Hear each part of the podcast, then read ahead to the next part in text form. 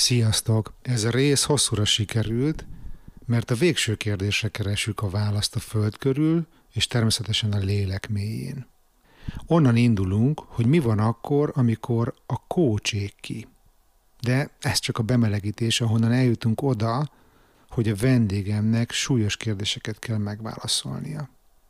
Te mit tennél, ha 30 évesen, újdonsült szülőként egy rejtélyes betegség arra kényszerítene, hogy számot vess az életeddel?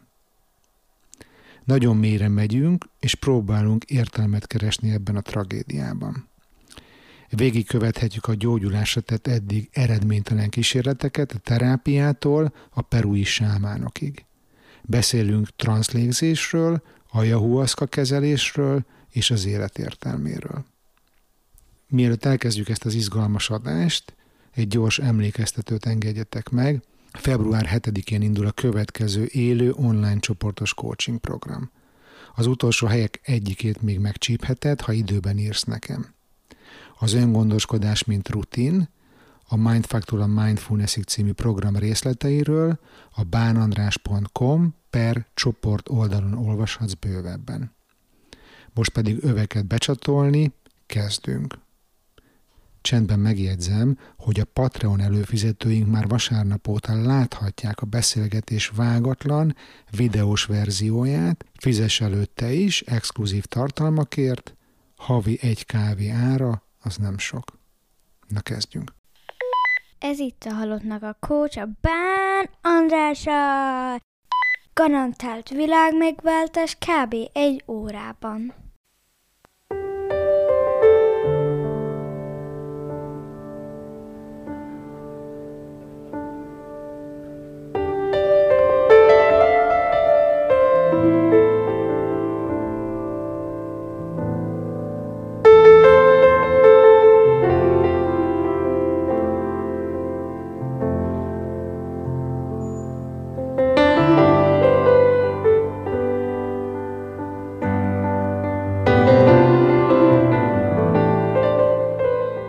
Üdvözlöm a hallgatókat, sziasztok! A mai vendégem nem más, mint Ricsi. Tényleg nem is tudom, hogy most családnévvel Ricsi, vagy... Jó lesz így, Ricsi. Jó, Ricsi, aki, aki egy kollégám, és mi már évek óta kapcsolatban vagyunk. Szerintem legelőször másfél éve próbáltalak ide csalogatni az adásba, de hogy látsz, látszik, hogy milyen türelmes vagyok, mert mert kivártam, hogy most végre itt vagy. Nagyon örülök, hogy, hogy elvállaltad a szereplést. Üdvözöllek, szia! Szia András, üdvözöllek én is, és sziasztok hallgatók, titeket is üdvözöllek, és köszi a meghívást. Légy szíves, Ricsi, mesélj magadról. Hány éves vagy, mivel foglalkozol, és, és milyen élethelyzetben vagy te most? Én idén töltöttem a 30. életévemet, ami most a legfontosabb információ, hogy egy egy hónapos kisgyereknek az apukája vagyok, és a Balatonparton élünk a feleségemmel. Van egy szerelem projektem, azt hiszem lehet így hívni, ez az Önkénteskedj Indiában, ami arról szól, hogy olyan gyermekeknek biztosítunk Varanasziban, számomra a világon talán az egyik legkedvesebb hely, tehát olyan gyerekeknek biztosítunk étkeztetést és ingyen oktatást, akik ezt nem engedhetnék meg maguknak, nehéz élethelyzetből kifolyólag és hát a világra egy nagyon nyitott emberke vagyok, azt hiszem, rajongok az idegen kultúrákért, a sok futásért és a jó zenékért, és amit így a szakmai életutamról érdemes tudni, körülbelül 7 éve foglalkozom emberek, szervezetek és digitális termékek fejlesztésével, hogyha nagyon szeretnénk ennek valami nevet adni, akkor Scrum Masterként vagy Agile Coachként, bár a coach megnevezést az elmúlt időszakban hát kb. egy évben már nem szívesen használom, pedig papírok is feljogosítanak erre, de... de er, ezt majd azért jó, majd meséld el később, Jó, erről, erről majd beszéljünk. És ebből a hét évből három és fél évet egy nagyon szuper helyen töltöttem el alkalmazottként, alkalmazottként és itt nagyon-nagyon sokat tanultam, nagyon jó, nagyon jó segítőim voltak, és az volt az első és az egyetlen ö, munkahelyem, ahol így employee voltam, és körülbelül három és fél éve pedig szabadúszóként dolgozom, kisebb-nagyobb csapatok tagjaként segítek kisebb-nagyobb, szer, kisebb-nagyobb szervezeteknek a, a fejlődésben. fejlesztésében az, hogy csapatokat uh-huh. segítek felépíteni, szervezeteket segítek felépíteni, és digitális termékeket segítek építeni. És hát az elmúlt, most már kicsit több mint egy évben egy elég rázós útra, útra keveredtem. Én azt gondoltam az eddigi életemről, hogy ami eddig történt, az, az is elég már egy életre, de most egy ilyen új dimenziót ismertem meg. Egy éve egy, egy elég rázós úton járok, és ebből próbálok ö, hát elrugaszkodni, vagy kikecmeregni, felszínen maradni. Uh-huh. Majdnem két, évben, két évvel ezelőtt, amikor fölvettük egymással a kapcsolatot, akkor a te szavaiddal fogalmazva már szénné égtél, aki ugye kiégésnek egy elég mély gödrében voltál, de hogy most, amit az elmúlt egy évre mondasz, ez valami más. Igen, más igen, igen. Igen, akkor, amikor először beszéltünk, akkor egy kiégésnek az elég mély, eh, mély bugyraiban voltam, és akkor azt mondtam, hogy beszéljünk akkor, amikor, eh, amikor jobban leszek, és akkor majd a tapasztalatokról is, is talán tudok, eh, tudok mesélni, hogy hogy sikerült jobban lenni. És az az érdekes, hogy ezt a kiégést, ezt egy fél év, egy év alatt elég, elég jól sikerült kezelnem, és elég jól sikerült ebből kimásznom. És aztán itt egy nagyon érdekes fordulat az életemben. Hát kialakult nálam egy betegség, egy elég, egy elég furcsa, elég ritkának tűnő és elég súlyosnak tűnő betegség, amivel most, hát most már egy éve ismerkedem, és próbálom megérteni, és próbálok rájönni, hogy ez hogy, ez hogy működik, hogy emögött milyen dinamikák vannak. Ehhez még talán annyi, de szerintem majd beszélünk még erről később, de a kiégés környékéről, az onnan való kimászásból, és aztán ebbe a helyzetbe való beleesésről még annyi, hogy én körülbelül azt hogy 2020 elején elkezdtem egy terápiát, egy pszichoterápiát csinálni. Akkor még a kiégéses tünetek és egyéb mentális, egyéb mentális nehézségek miatt tulajdonképpen az én életem eljutott egy olyan pontra, hogy a betegségektől annyira elkezdtem félni, hogy nekem valami bajom lesz, hogy ez már így nagyon erősen korlátozta a mindennapjaimat. És akkor volt egy pont, amikor azt mondtam, hogy oké, okay, ez itt nem mehet tovább, segítséget kell kérnem, és én akkor elmentem egy terápiába, de akkor még ugye a betegségről szó nem volt, az szépen később alakult ki. Tehát így megérkezett az elég erősen, amitől én, amitől én féltem. Aha. Na, figyelj ide, hogy én azt szeretném, ugye itt halottnak a kócsban azért, azért, azért egy ilyen mélyebb betekintést szoktunk kapni különböző utakba, és én, és én nagyon vártam ezt a mai beszélgetést, és nagyon izgalmasnak tartom rengeteg szeletét a te történetednek, de kezdjük már mégis ezzel a, a két évvel ezelőtti állapottal, amikor, amikor a te szénnéktél, hogy mesélj már arról létszős, hogy, hogy akkor miben voltál, mi vezetett oda, hogy kiégtél, hogy vetted észre, hogyan élted ezt meg? Hát ez időtájban, illetve azelőtt körülbelül egy fél éve, kilenc hónappal kezdtem el eh, freelancerként egy olyan projektet, ahol ahol, mint utólag kiderült, minden adott volt ahhoz, hogy az ember kiégjen. Minden adott volt bennem, tehát legalább ennek a felét én raktam hozzá, és pont megvoltak azok a tényezők, amik az én gyengeségeimbe vagy, vagy kampókba beakasztották a horgot. Tehát, hogy én, én egy ilyen nagyon teljesítményorientált, nagyon meg akartam mutatni, hogy ahhoz, amihez én értek, nagyon meg akartam mutatni azt, a, a, a, amit, amihez én értek, és pont egy olyan, egy olyan projekten kezdtem el dolgozni, ahol, ahol erre volt szükség. Csak egy picit hozzuk lejjebb a földre, tehát ne rébuszokban beszélgessünk. Én ugye körülbelül 7-8 évvel ezelőtt kezdtem el agilitással foglalkozni, agilis termékfejlesztéssel, agilis szervezeteknek a fejlesztésével, és akkor ez a mostaninál még ennél egy nisebb kategória volt, aztán szépen elkezdtek ezek a nagy szervezeti átalakulások beindulni, és én rögtön a, hát talán a közép-európai régió egyik legnagyobb ilyenjében találtam magam, ahol azt tettem észre, hogy vannak emberek, akik éhesek arra a tudásra, ami, eh, ami nekem van, de van egy rettenetesen toxikus szervezeti kultúra még emellett. És akkor ez, hogy... Mesélj erről egy picit részletesebben, jó? Mert, mert most így szeretném kicsit szétválogatni azt, hogy mondod, hogy 50-50 volt nagyjából szerinted az, hogy miért égtél ki, tehát hogy benned is megvoltak hozzá a, a hozzávalók, de hogy most egy picit erről a toxikus kultúráról is tudsz néhány szót mesélni. Hát a, a, a, a korporét világ minden, minden mély bugyra megtalálható volt. Itt, tehát a, a, a csak a saját érdekeit szem előtt tartó és nulla empátiával rendelkező vezetők,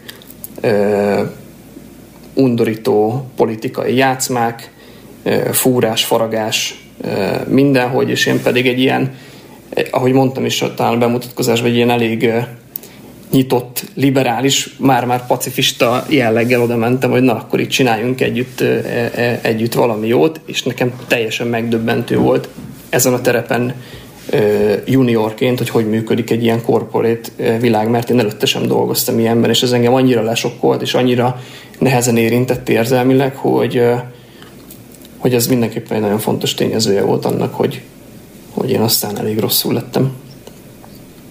Mm.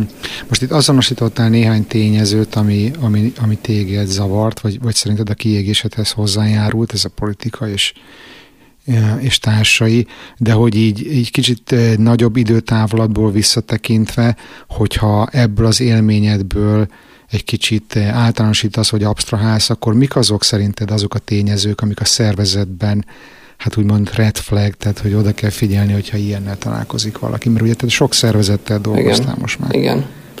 Hát ha azt látom, hogy nagyon az egyéni érdekek a motiválók, és az egyéni karrier érdekek a motiválók, ha azt látom, hogy nincs transzparencia a szervezetben, ha azt látom, hogy, hogy nem az egyén a legfontosabb egy szervezetben, ez, ez mondjuk nem red flag, de egy nagyon, nálam egy nagyon erős jelző, mert én hiszek abban, hogy ha az egyének jól vannak egy szervezetben, akkor, akkor tudnak igazán jól dolgozni, és igazán jó termékeket csinálni.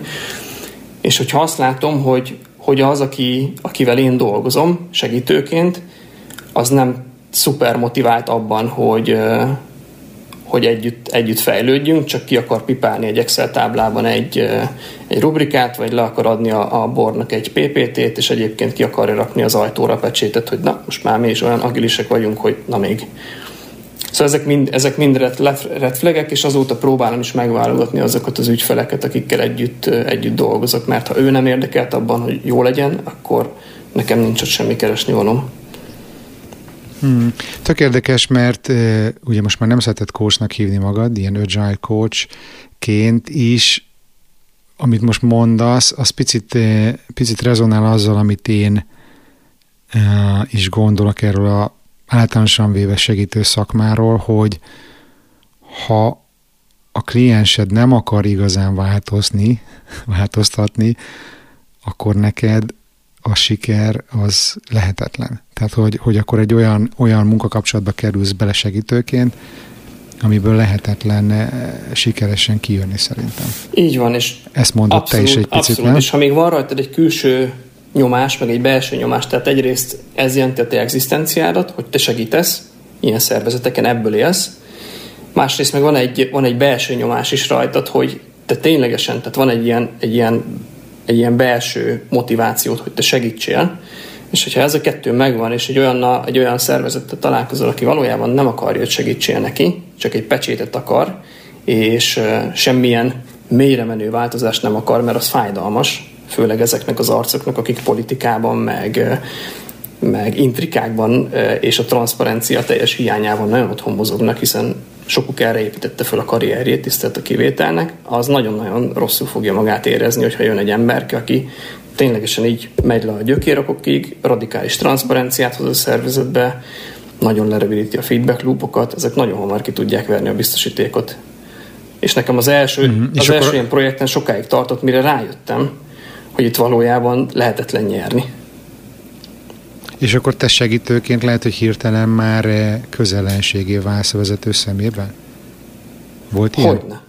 Hát én olyan, olyan szőnyegek szélén álltam, hogy öröm volt, öröm volt nézni. Persze jó volt ilyen. Persze jó volt ilyen. Mm-hmm.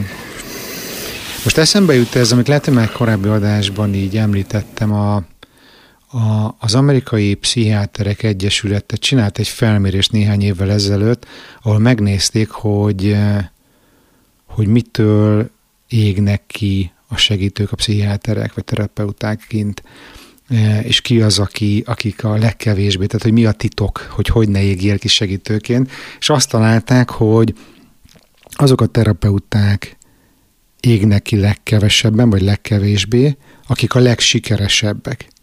és akkor ez így önmagában egy picit olyan furcsán hangzik, mert hogy persze, hát lehet, hogy azért sikeresek, mert nem égnek ki, de hogy igazából, amikor egy kicsit mélyebbre ástak, akkor azt találták, hogy ők, hogyha egy olyan klienssel vannak, akiken látják, hogy ők nem akarnak, nem tudnak, nem készek a változtatásra, és nem teszik bele azt a munkába, amit nekik bele kell tenni kliens oldalon, akkor egy néhány alkalom után szépen megválnak tőlük. És eltanácsolják vagy egy másik szakemberhez, vagy, Így van. vagy tehát, menj Isten hírével, és csókolom. Erről van szó. Tehát... És hogy e, ez, ez, ez, ez, ez ugye a, ez a segítőnek is egy óriási segítség, mert így tudja megelőzni azt, hogy belekerüljön egy olyan végtelen e, sziszifuszi küzdelembe, mint például amiben te benne voltál. Tehát, hogy a sikernek a kritériumait, vagy az előfeltételeit, azt egyrészt neked, mint segítőnek kell megteremteni. Tehát én utána ezt már megtanultam, hogy az, hogy, hogy, hogy nagyon erősen meg tudom tartani az én határaimat, az, hogy nagyon erősen szerződök, és itt, itt szóbeli megállapodások, tehát én nem hiszek az ilyen nagyon strikt írásbeli szerződésekben, hogy nagyon erősen lefektetjük azt, hogy akkor mi nekem itt a, a mandátumom az, hogy, hogy nem tudom az egész világot megváltani, hogy, hogy hogy én tényleg, ténylegesen mibe tudok segíteni, és adott esetben én, tehát én a következő helyre már úgy mentem, hogy agile coachként nem, nem megyek, de hogyha szükségetek van egy emberkére, aki, aki ért a csapatdinamikához, ért az egyéni fejlesztéshez és ért a digitális termékekhez, akkor adjatok nekem szabad kezet, és lesz ebből egy jó csapat, és lesz ebből egy termék év végére, és eh, hagyjuk ezeket a dogmatikus megközelítéseket, hogy akkor a gris transformáció, meg a Scrum így, meg a Scrum úgy, meg ez így, meg ez úgy, hanem így ténylegesen nézzük meg, hogy mire van az embereknek szüksége, bízatok bennem, hogy ez tud működni, és én azt vállalom, hogy ebből lesz egy jó csapat, és lesz egy jó termék. És mindjárt, mindjárt egy, eh, egy zseniális együttműködés született belőle. Persze hónapokkal uh-huh. vagy évekkel uh-huh. később, mint ahogy azt a kiégést történt. Mik voltak a belső tényezők a te kiégésedhez akkor? Hát én ezt csak sokkal később, sokkal később értettem meg. Abban biztos voltam, hogy, hogy az, hogy én egy ilyen nagyon erős teljesítménykényszerrel vagyok az életemnek a minden, az életemnek kb. minden területén, az, hogy, az, hogy a nagyon szélsőségeken érzem jól magam, tehát munkában is, magánéletben is, sportban is, ez így kezdett egy ilyen mintázatot kirajzolni. Tehát, hogy munkában ugye akkor éreztem jól magam, ha egy nem tudom, 6-8 ezer fő szervezeten, szervezetben minden rendben lesz. Hogy akkor éreztem volna jól magam. A sportban akkor éreztem jól magam, hogyha a maratonokat futottam. Az utazásban akkor éreztem, akkor éreztem jól magam, hogyha olyan messzire mentem, amilyen messzire csak lehet menni, és annyira annyira érdekes vagy, vagy sokszor veszélyes helyekre, amilyen veszélyes helyekre csak lehet menni. És én elkezdtem azt keresni, hogy emögött a, a folyamatos tenni, tenni, tenni, mutatni, tenni mögött milyen, mi lehet. Hiszen ez egy annyira erős mintázatként rajzolódott ki az életemben, hogy, hogy, hogy ezzel muszáj volt foglalkozni, és, és ez már abszolút terápiás, terápiás terület volt. Tehát, hogy teljesen egyértelműen a, a gyerekkorból jöttek ezek a dolgok, és a, és a családi, családi múltból. Tehát, hogy azok a transgenerációs szálak, amik, amik nálunk nagyon erősek, és amik, amikből én is kaptam egy jó nagy batyut, azok nagyon-nagyon generálták ezt a, ezt a, fajta, ezt a fajta működést, és ehhez kellett nekem a terápia, és, és még a terápiában is, tehát hosszú és intenzív terápiában is még maradtak olyan területek, amik, amikre egész egyszerűen nem jutottam el magamban, mert annyira mélyen voltak, és annyira, annyira le voltak nyomva a felszín alá, és annyira el voltak folytva az elmúlt években, hogy egész egyszerűen sehogy nem jöttek a felszínre, és akkor kezdtem el később más módszereket keresni arra, hogy, hogy ezeket a terápiával szigorúan kiegészítve, hogy lehet a felszínre hozni. Erről majd még fogunk részletesebben beszélni később. A, nem tudom, hogy, hogy, hogy, hogy beszélnél még egy picit arról, hogy amikre rájöttél a terápiában, amiket mondasz, hogy ezek a transgenerációs minták. Én emlékszem, hogy a, a, az e-mailedben még a trauma szó is e, följött, hogy ezeknek a természetéről egy picit esetleg beszélnél? Uh-huh. Ezek abszolút, abszolút a, a, a családból jönnek. Nekem egy olyan gyermekkorom volt, ami, ami kívülről e, még akár jónak is nézhetett ki, és voltak benne belülről is jó periódusok, de egy utólag visszatekintve egy elég, egy elég nehéz, egy elég nehéz gyermekkor és kora felnőtt kor volt, amiből én nagyon erős, nagyon erős batyukat hoztam magammal. Erre igazából akkor kezdtem rájönni, vagy akkor kezdtem ezzel foglalkozni, amikor egyszer csak hazamentem, ez 2011 januárjában volt, egyszer csak hazamentem, és azzal találtam magam szembe, hogy apukám megbetegedett eléggé. És, és egy, elég, egy elég hosszú betegség után végül is ő 2013. októberében meghalt, úgyhogy én végig, végig kísértem ezen, a, ezen az úton. És előtte így a, az érzelmekkel való foglalkozás, meg a, meg a meg így a saját lelkemmel való foglalkozás az abszolút nem volt opció, hiszen nem tudtam erről, hiszen az én családomban erről soha nem volt szó, egy teljesen, teljesen más légkörből jöttem. Édesanyám és édesapám is tulajdonképpen kétkezi munk- vállalkozók, de kétkezi munkások voltak. Abszolút soha nem, nem kerültek elő ilyen témák, hogy érzelmi intelligencia, hogy mentális jólét, hogy hogy akkor ezekről beszéljünk, hogy mi van bennünk, és, és ezek szépen, szépen oda, oda, odáig jutottak, hogy nagyon-nagyon sok dolog rakódott le bennem, és ezek szépen elkezdtek dolgozni, de erre csak évekkel később jöttem rá, amikor ugye elindultam ezen a e, ezen az érzelmekkel, lélekkel foglalkozó e, úton, annak is csak a, a legvégén jöttem rá, hogy még vannak a mélyben olyanok, amik, amiket én nem tudtam fölismerni. És hogy, hogy értsd, hogy, hogy, hogy mennyire messziről jöttem. Tehát én emlékszem, hogy valahogy a, itt édesapám halála betegsége környékén a kezembe került, a Poppernek van egy ilyen kis piros, sok, sok kis piros könyve van, de azt hiszem, hogy a belső utak könyve volt az, amit én kinyitottam, elolvastam, és így te jó ég, van egy idős pocakos ember, aki az én életemről mesél, hogy itt mi történik, és hogy ilyen létezik, és aztán ez volt az, ami egy ilyen nagy lökést adott. De hogy, de hogy olyan szinten messziről jöttem, hogy amikor nekem ezt otthon meglátták az íróasztalomon, akkor mindenki fogta fejét, hogy mi történt a gyerekkel, kezd meghűlni.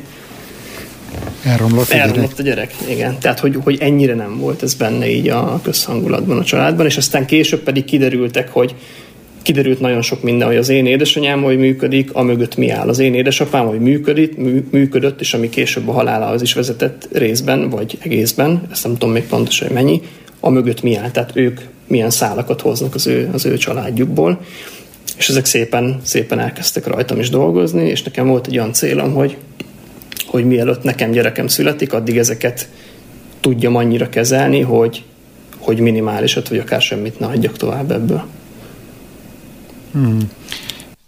Ez, amit most mondasz itt a végén, hogy mire, neke, mire te apává válsz, addigra te már ezeket ezeket a batyukat le tudja tenni, vagy vissza tudja adni a szüleidnek, a szüleidnek, hogy nekem ez is egy picit úgy hangzik, mint amit korábban mondtál arról a fajta teljesítménykényszerről, hogy, hogy neked mindenből az extrém eredményt kell elérned, hogy azért ez is egy, egy olyan célkitűzés, ami szerintem főleg 30 éves korra hát eléggé reálisan szerintem elérhetetlen. Tehát nyilván az jó, hogy megfogalmazódik az igény, hogy az ember kezdjen el foglalkozni eh, a, saját eh, maga megismerésével és elfogadásával, de az, hogyha én most rakok egy ilyen célkitűzést, hogy mire én apa leszek, nekem rendbe kell raknom a szaraimat, ez motivációnak jó, de azért nem, nem feltétlenül reális, ez, igaz? Ez abszolút igaz, viszont, viszont odáig eljutottam, hogy azt felismertem, hogy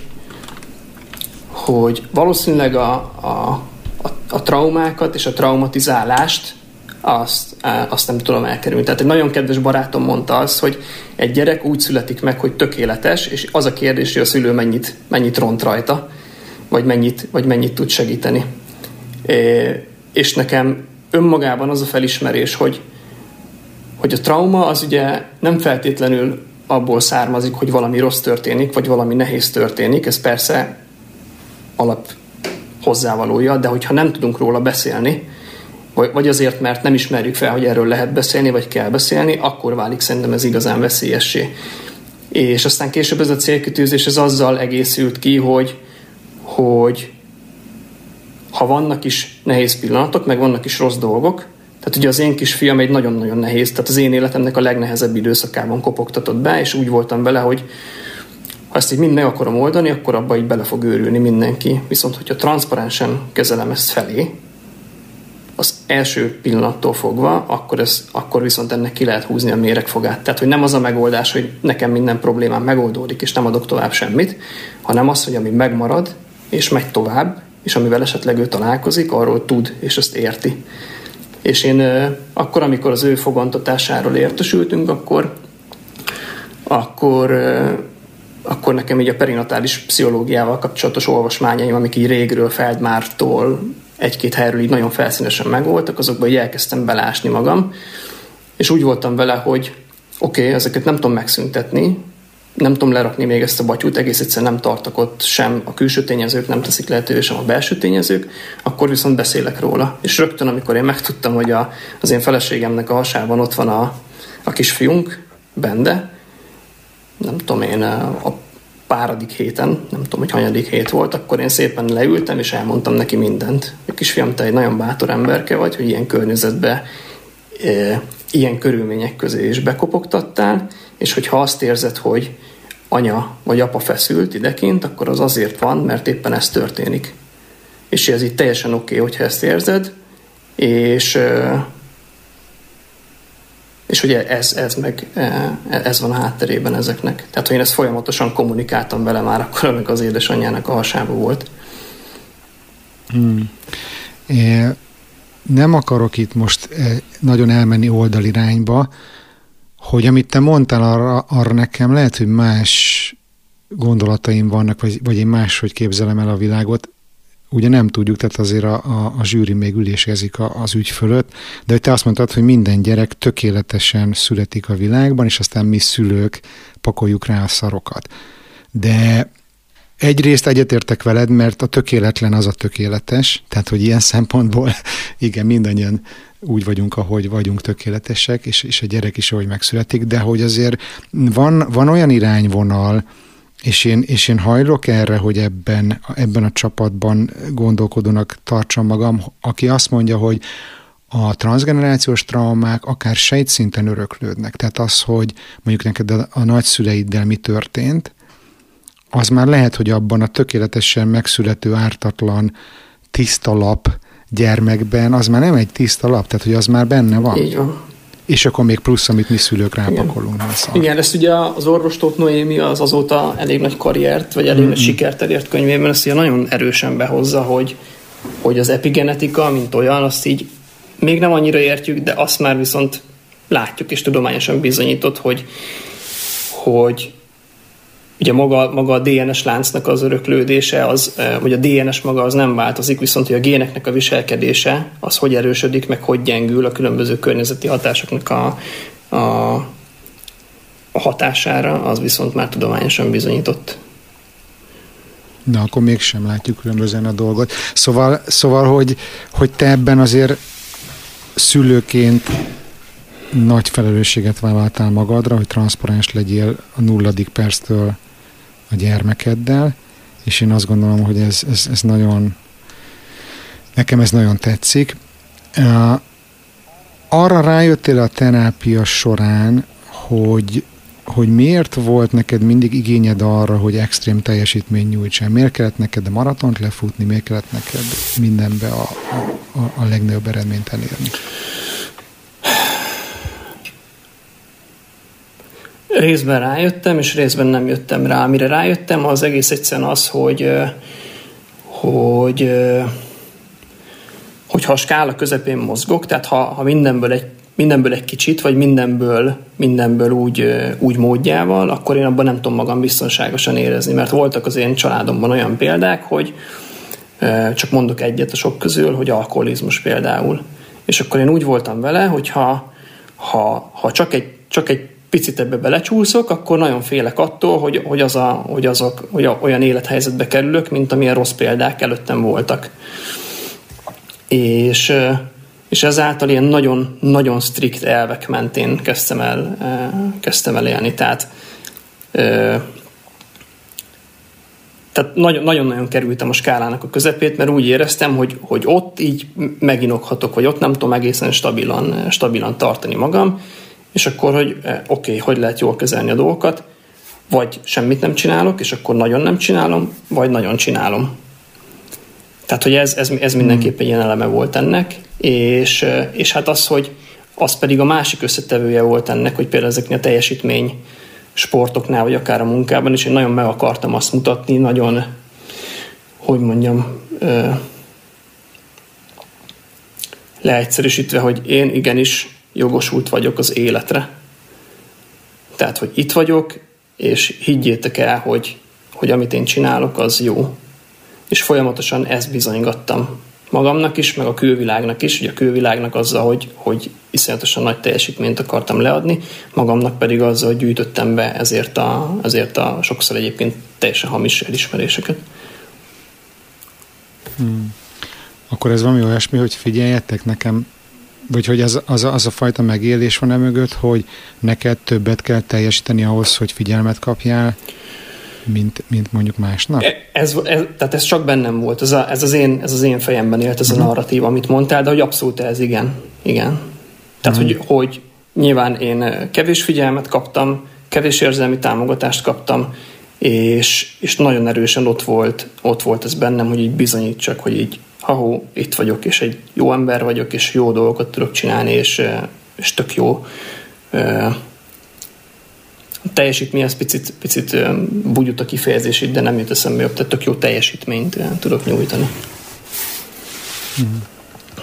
Igen. Ez egyébként egy, egy, egy olyan mintázat, ami nagyon sok alkoholista szülő gyerekénél megjelenik ez a, ez a fajta teljesítménykényszer, hogy, hogy valahogy mutassa magát és, és hogy ez nálad is megjelent. Én azt szeretném még tőled kérni, mielőtt tovább megyünk a történeteddel, csak hogy itt a, a hallgatók kedvéért lekerekítsük ezt a kiégés részét a, tör, a, a te a te sztoridnak, hogy azon kívül, hogy elmentél terápiára, és elkezdtél egy önismereti útat, én tudom, mert ugye mi kapcsolatban voltunk most már egy ideje, én tudom, hogy te egyéb életmódbeli változtatásokat is csináltál, és hogy csak szeretném, hogy elmeséld nekünk, hallgatóknak is, hogy mik voltak azok, amiket te próbáltál változtatni akkor, és mi az, ami működött, mi hogyan hatott rád, kezdve itt a sporttól, uh-huh. vagy a social media, meg ezek. Hát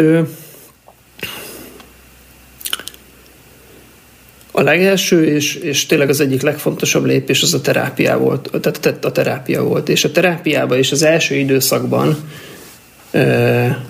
főleg álmokkal dolgoztunk.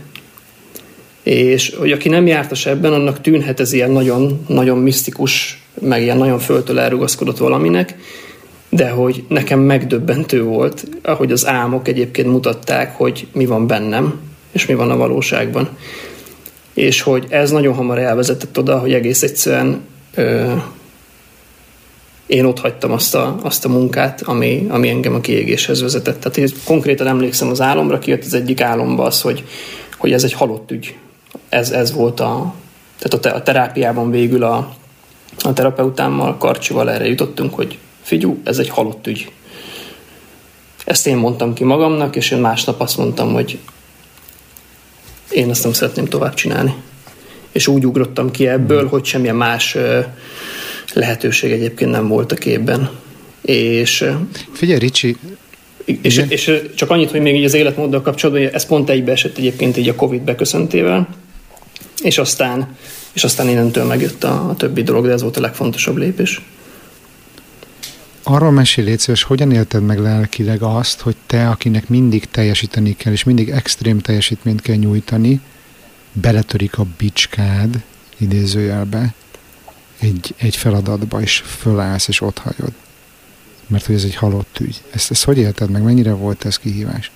Én nagyon-nagyon büszke voltam magamra, és egy nagyon nagy megkönnyebbülés volt. Mert ott, ott, ott nagyon hamar átkapcsolt ez a kapcsoló. Itt nem az a fasz a gyerek, aki aki lehetetlen ügyekben ilyen szélmalom harcot vív, hanem, hanem az az igazán nagy eredmény, vagy nagy siker, hogyha valaki ezt be tudja látni, és azt mondja, hogy kössrácok, de ezt nem velem csináljátok tovább. Hmm. Tehát hmm. Itt, itt zéró kudarc élmény volt. Tehát itt, itt egy nagyon nagy megkönnyebbülés volt. Szuper. És csak még hagyj idézek a, a, a 2020 márciusi levelezésünkből, amit írtál, hogy, hogy akkor, amikor benne voltál ebben a, a, ebben a gödörben a kiégés miatt, az nem tudom, hogy már a felmondás előtt vagy után volt, de, de neked volt egy ilyen tervet, hogy fölmész a Monteverestre a Basecampbe, igaz? Így van. Így van. Ez, ebből lett valami ebből az utazásból? Hát ez úgy volt, hogy, hogy össze volt pakolva a hátizsákom, le voltak egyeztetve a serpák, le volt egyeztetve minden, és az indulás előtt két nappal az az iroda, aki, aki segítette volna ezt az utazást, azt mondta, hogy a Covid-ra való tekintettel, ez ugye március közepe, tehát a Covid kirobbanásának időpontja, a Covid-ra való tekintettel nem tudják vállalni ezt az utazást. És egy nagyon kedves barátommal mentem volna, és akkor én gyorsan felhívtam, hogy figyelj, Tomi, baj van, nem tudunk menni Nepába, de van kint még egy, még egy ismerősöm Nepába, és én most egy-két óra alatt leszervezem vele. Tehát nyitva vannak a határok, még járnak gépek, azt nem törölték, gyorsan egy két óra alatt újra szerveztem az egész, az egész Basecamp trekket, és aztán úgy volt, hogy akkor ennek ellenére megyünk, és éjszaka, aznap éjszaka a Nepál bezárta a határokat. Tehát úgy, hogy össze volt, össze volt pakolva a, a, a hátizsák, ki volt nyomtatva a vízum, és a, a, a segítők is így a startvonalon álltak, hogy akkor mi megyünk. Ez így nem tudott megvalósulni, mert bezárták a határokat. Hmm. És ez viszont, ez viszont szíven ütött, mert de aztán később rájöttem, hogy miért nem jó, hogyha ez is szíven üt. Tehát, hogy én előtte már úgy tudtam megőrizni a mentális egészségemet, hogy évente két hónapra leléptem Indiába. Tehát, hogy én valahogy itthon azt, amit, amit én keleten vagy Indiában megtaláltam, azt, azt a lelki békét, vagy azt a kiegyensúlyozottságot nem tudtam megteremteni, ergo ahhoz, hogy, hogy, hogy én jól legyek, ahhoz nekem évente, tehát az utolsó évben már két hónapot Indiában kellett töltenem. És aztán ezt, hogy egyszer csak bezáródtak a határok, akkor ugye az, az volt, hogy hát akkor most abból kell főzni, ami van. Tehát, hogy most eljött akkor az az idő, hogy, hogy akkor nem lehet tovább lehet talán a menekülés szót is használni, mert hogy nincs hova, hanem ezt itthon kell megoldani, hogy, hogy jól legyen az ember. Szóval neked ezek menekülések voltak ezek a Bizonyos szempontból felfedezések és csodálatos kultúrák, meg embereknek a megismerése, bizonyos szempontból, hogyha így tényleg az önreflexióban egy picit így, picit így időzünk, akkor, akkor abszolút, akkor menekülés is volt. Mm-hmm. És akkor hogyan, hogyan sikerült megugrani ezt a 2020 elején eh, elédálló élethelyzetet, amiben ugye a kiégés és a terápia eh, kapcsán te ott hagytad a munkahelyedet, anélkül lett volna egy következő lépés. Igen. Vártad nagyon ezt az utazást a Himalájába, ami nem jött össze, és akkor Magyarországon találtad magad bezárva gyakorlatilag egy olyan világjárvány elején, amiről senki nem tudta igazából, hogy most ebből mi lesz. Sőt, most se tudjuk, amikor Abszolút nem, nem tudjuk most se, és hogy az összes rosszat, meg mindent, tehát ugye ezt nem kell hangsúlyozni, hogy ez most mennyire egy szörnyűség, ami történik, de ezzel együtt én nagyon-nagyon hálás voltam ezért a, ezért a helyzetért. Én akkor felmondtam, hogy hát ott hagytam azt a projektet, amin, eh, amin dolgoztam, ugye nem alkalmazottként dolgoztam, ott hagytam azt a projektet, amin dolgoztam, és eh, elkezdtem azt csinálni, hogy körülbelül a az időmnek a felét a Balatonparton töltöttem, találtunk a feleségemmel egy pici apartmant, amit béreltünk, és az időmnek a felét pedig, pedig Budapesten. És, és szintén az egyik barátom akkor küldött egy, egy, egy nagyon érdekes videót, egy vlogot, majd lehet, hogy a show notes-ba be, betolhatjuk. Egy kiugrott Microsoft mérnök volt, aki, aki ott hagyta a melóját, vett egy vitorlást, és elkezdett a vitorlással járni a föld körül. És akkor az be kattant nálam, és aznap délután én beiratkoztam egy vitorlás tanfolyamra, hogy életemben nem voltam vitorláson, de hogy akkor próbáljuk ezt ki. És akkor ezzel telt a tavasz, ezzel telt a nyár, hogy egy ilyen nagyon-nagyon jó légkörben itt a Balatonparton, sokat futottam, sokat vitorláztam, sokat bicóztam, és sokat olvastam, nekem az olvasás az egy ilyen nagyon-nagyon fontos eleme az életemnek, és pont akkor sikerült egy olyan jó, hosszú sztorira rábukkanni, ami, amiben így el lehetett mélyedni hónapokra, és akkor ez így, ez, ez nagyon-nagyon nagyon szuper volt. És akkor közben nem is dolgoztál? Nem, nem. Figyelj Ricsi, hogy én nem akarok a zsebedben turkálni, de hogy a hallgatók, biztos már ők is kíváncsiak arra, mert ugye itt, itt, itt, itt, itt a, a vendégeim története nagyon sokaknak ad inspirációt, vagy, vagy útmutatást arra, hogy mi működik, mi nem működik, hogyan lehet változtatni egy, egy nehéz élethelyzetben, de hogy azért, amikre, amikről te mesélsz, az nagyon jól hangzik, de azért szerintem sokunkban fölmerül a kérdés, hogy jó, de hogyha nem dolgozom, miből engedhetem meg magamnak, hogy Indiában legyek, Himalájába utazzak, vagy vitorlázzak a Balatonon. Hogy neked volt megtakarításod, vagy, vagy ez hogyan lehetett ezt megoldani, hogyha erről két szót, hogyha mondanál? Hát ez az időben változott, e, vissza kell menjünk egy pár évet. Én azt ugye említettem, hogy, hogy a,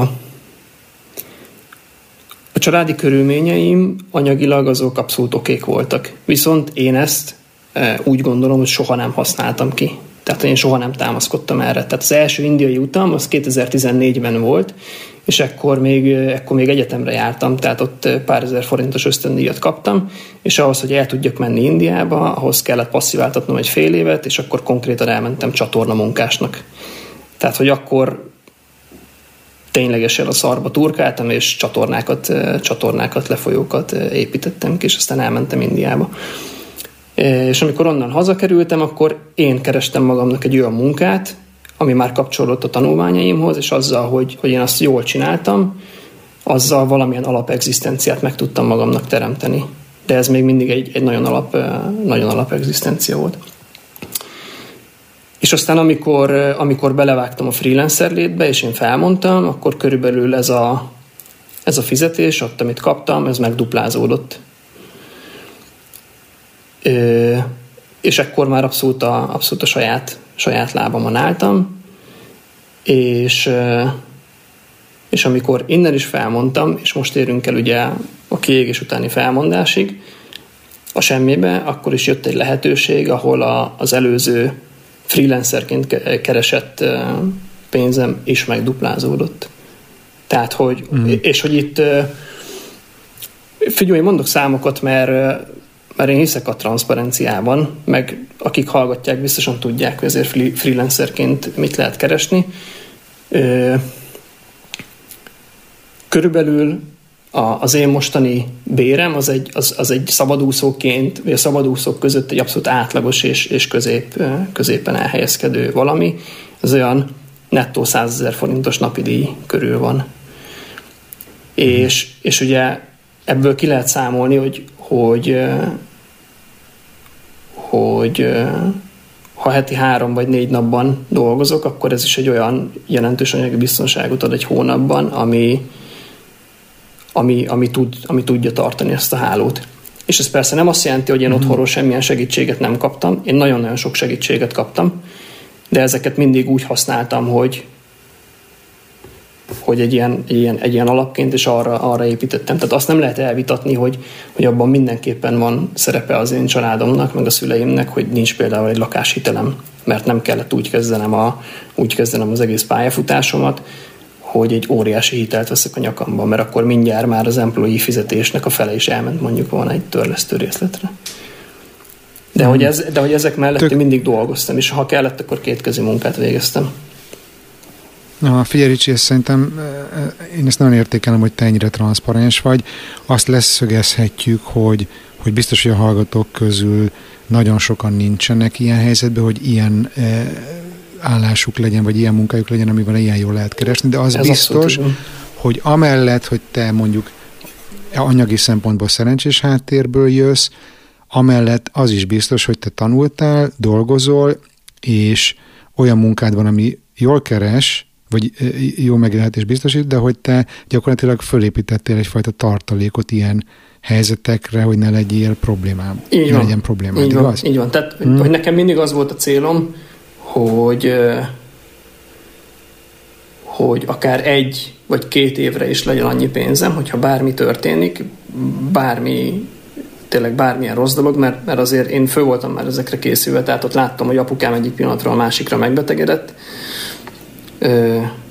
Később egyébként ezt a témát még, még nem érintettük, de, de ez is egy fontos pont, hogy amikor én, amikor én freelancer lettem, abban az évben, vagy azokban a hónapokban az én feleségem is megbetegedett nagyon súlyosan.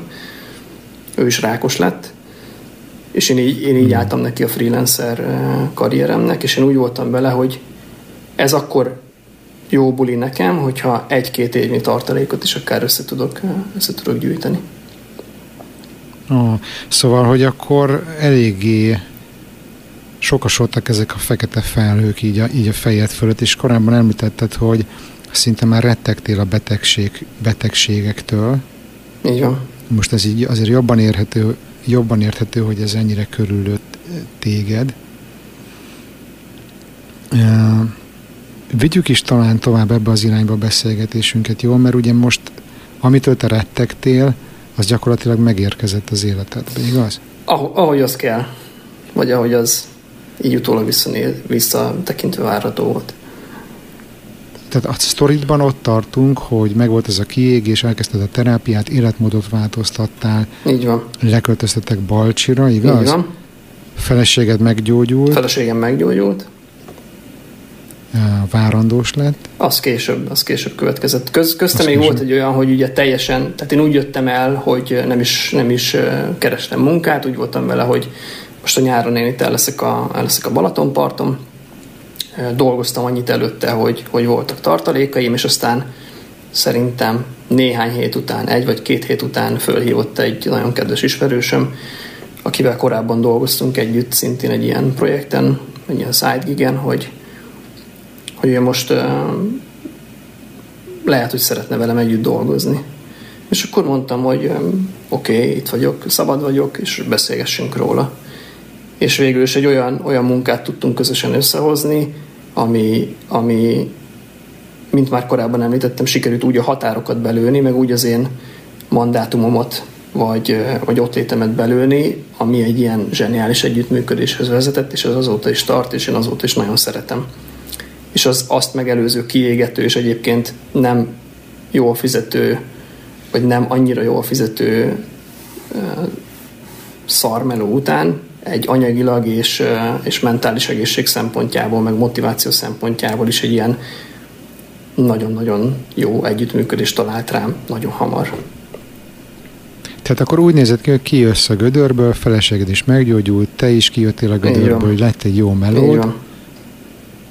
És? Ami egyébként azóta is tart, és aztán így eltelt a nyár, meg eltelt az ősz, és aztán egyszer csak novemberben nagyon érdekes. 2020-ban 2020-ban vagyunk. vagyunk, igen, 2020 novemberében nagyon érdekes tünetek kezdtek megjelenni rajtam. Ö, itt fájt, ott fájt, de, a, de a, a fő tünet az az volt, hogy nagyon fáztak a lábfejeim. És az olyan szintű fázást kell elképzelni, mintha mezitláb állnék a, a tükör égen. Tehát így fázott, aztán elkezdett, aztán elkezdett szépen égni. És hát aztán onnantól megindult egy, megindult egy, egy ilyen elég hosszú és elég kimerítő történet. Elkezdtem orvosról orvosra járni januárban, tehát 2021, tehát idén januárban elkezdtem orvosról orvosra járni. Ö, és hát nem tudom, legalább 30-40 vizsgálatot végigjártam. És akkor itt most nem biztos, hogy a, a, a magyar egészségügy helyzetének utcáján így nagyon lemennék, de azért ezt a hajónapló kedvéért ezt jegyezzük meg, hogy ezek főleg magánúton történtek, mert hogy, mert abszolút elvesztem, a, elvesztem az állami egészségügynek az útvesztőjében. Hát aki ráadásul nem akarom mentegetni, de még gondolom a Covid által is porrá volt sújt. Abszolút, abszolút, de, de hogy, hogy ott abszolút így se, semmire, nem, semmire nem jutottam és egy tényleg több tucat vizsgálaton vagyok, vagyok túl, és egyetlen egy vizsgálat az, ami így hozott eredményt, de az is csak annyit tudott kimutatni, hogy a perifériás idegrendszerem az elkezdett legyalulódni, elpusztulni, tönkre menni. És, Mi ez a perifériás idegrendszer? Mert nem vagyok orvos, ezt én nem tudom. Hát nagyon, Ez, ez mi? Nagyon leegyszerűsítve, én sem vagyok orvos, úgyhogy ha, ha orvosok most nagyon elkezdenének minket helyre rakni, akkor, akkor majd. ne tegyétek, mert de hogy lényeg, tehát az a lényeg, hogy van a központi idegrendszer, hogy az agy, meg a gerincvelő, és akkor most tényleg a fel, felszínen vagyunk, meg abszolút én is zöldfülű vagyok, és van a, a, az onnan kilépő idegrendszer, ami egyébként a mozgató, érző és autonóm vegetatív funkciókért is felelős, felelős idegek. És ebből is ráadásul egy olyan, egy olyan ritka konstelláció állt fönt, hogy ugye ezt neuropátiának hívják a, az idegrendszernek a, a károsodását, hogy az alap neuro, neuropátia screeningek azok nálam mind negatívak voltak. Tehát én ugye éreztem, hogy baj van, elmentem neurológushoz, jó helyre rakott, hogy jó van fiatalember, csak így nyugodjon meg, aztán itt minden rendben van, tehát hogy abszolút negatívak voltak, és aztán volt egy neurológus, aki mondta, hogy hát lehet, hogy azok negatívak, amiket így általában néznek az emberek, de hogy vannak másfajta idegrostok is, csak annak a károsodását nagyon nehéz kimutatni, de aztán van egy hely Magyarországon, a Pécsi Klinikánál azt ki tudják mutatni, és akkor, és akkor ott ez ki is mutatódott.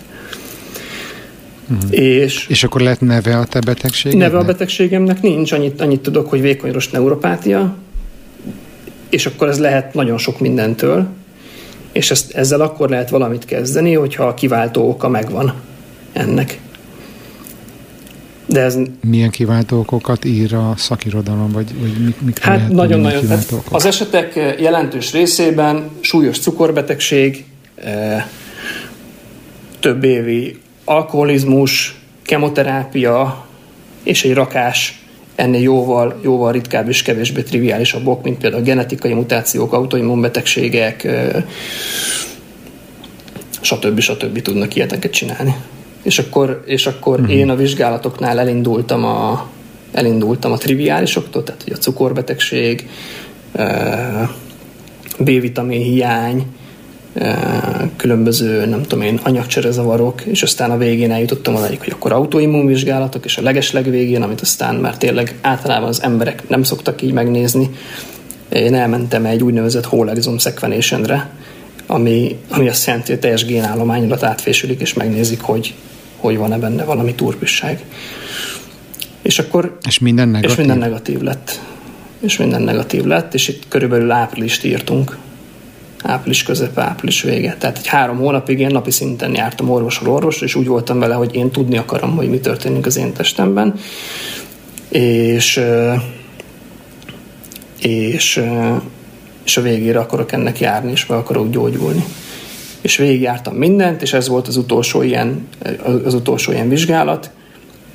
Ugye ezeket, ezeket már az állami ellátásban nem igazán csinálják, tehát nagyon hosszú engedélyeztetés, meg mindenféle, mindenféle pecsétek kellnek hozzá, de találtam egy labort Pesten, ahol megcsinálják, megcsinálták ezt a whole exome sequenation, ami több szempontból is nekem egy nagyon érdekes vizsgálat volt, ugye már beszéltünk egy picit az epigenetikáról, tehát itt az, hogy konkrétan megnézik a teljes génállományt, és vannak ilyen nagy világszintű adatbázisok, és minden embernek vannak egyébként génmutációi, és ezeket a a te mutációidat, ez egy ilyen százas nagyságrend benned is, meg bennem, és ezt átfuttatják ezen a nagy adatbázison, és megnézik, hogy ezekkel a mutációkkal kötöttek már össze-e valamilyen betegséget.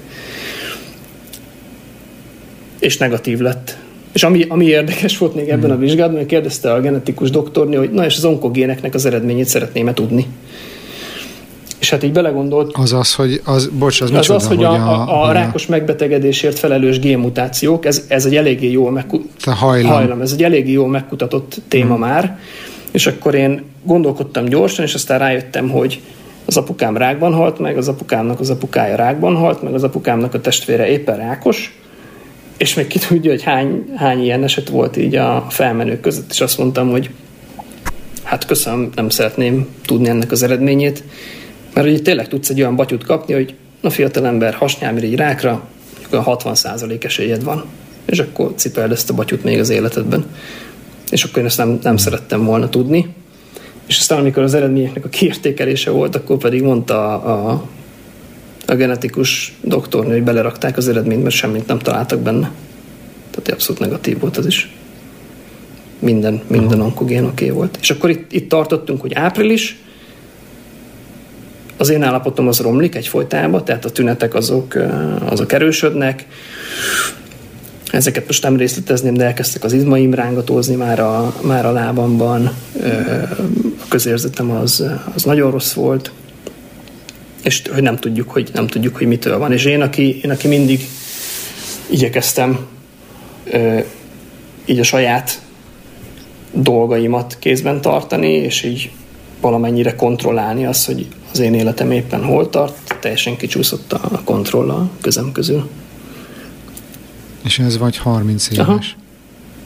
Igen. Friss apuka. És egy, és egy nagyon, nagyon érdekes, nagyon érdekes hát dinamika az, hogy ugye én addig, tehát nagyon-nagyon féltem a betegségektől, olyannyira, hogy ezek ténylegesen ilyen mentális nehézségekhez vezettek, és elkezdtem a terápiát. Nagyon féltem attól, hogy úgy vállaljak gyereket, hogy én nem vagyok rendben, és hogy nem tudom jól kezelni a, a dolgaimat.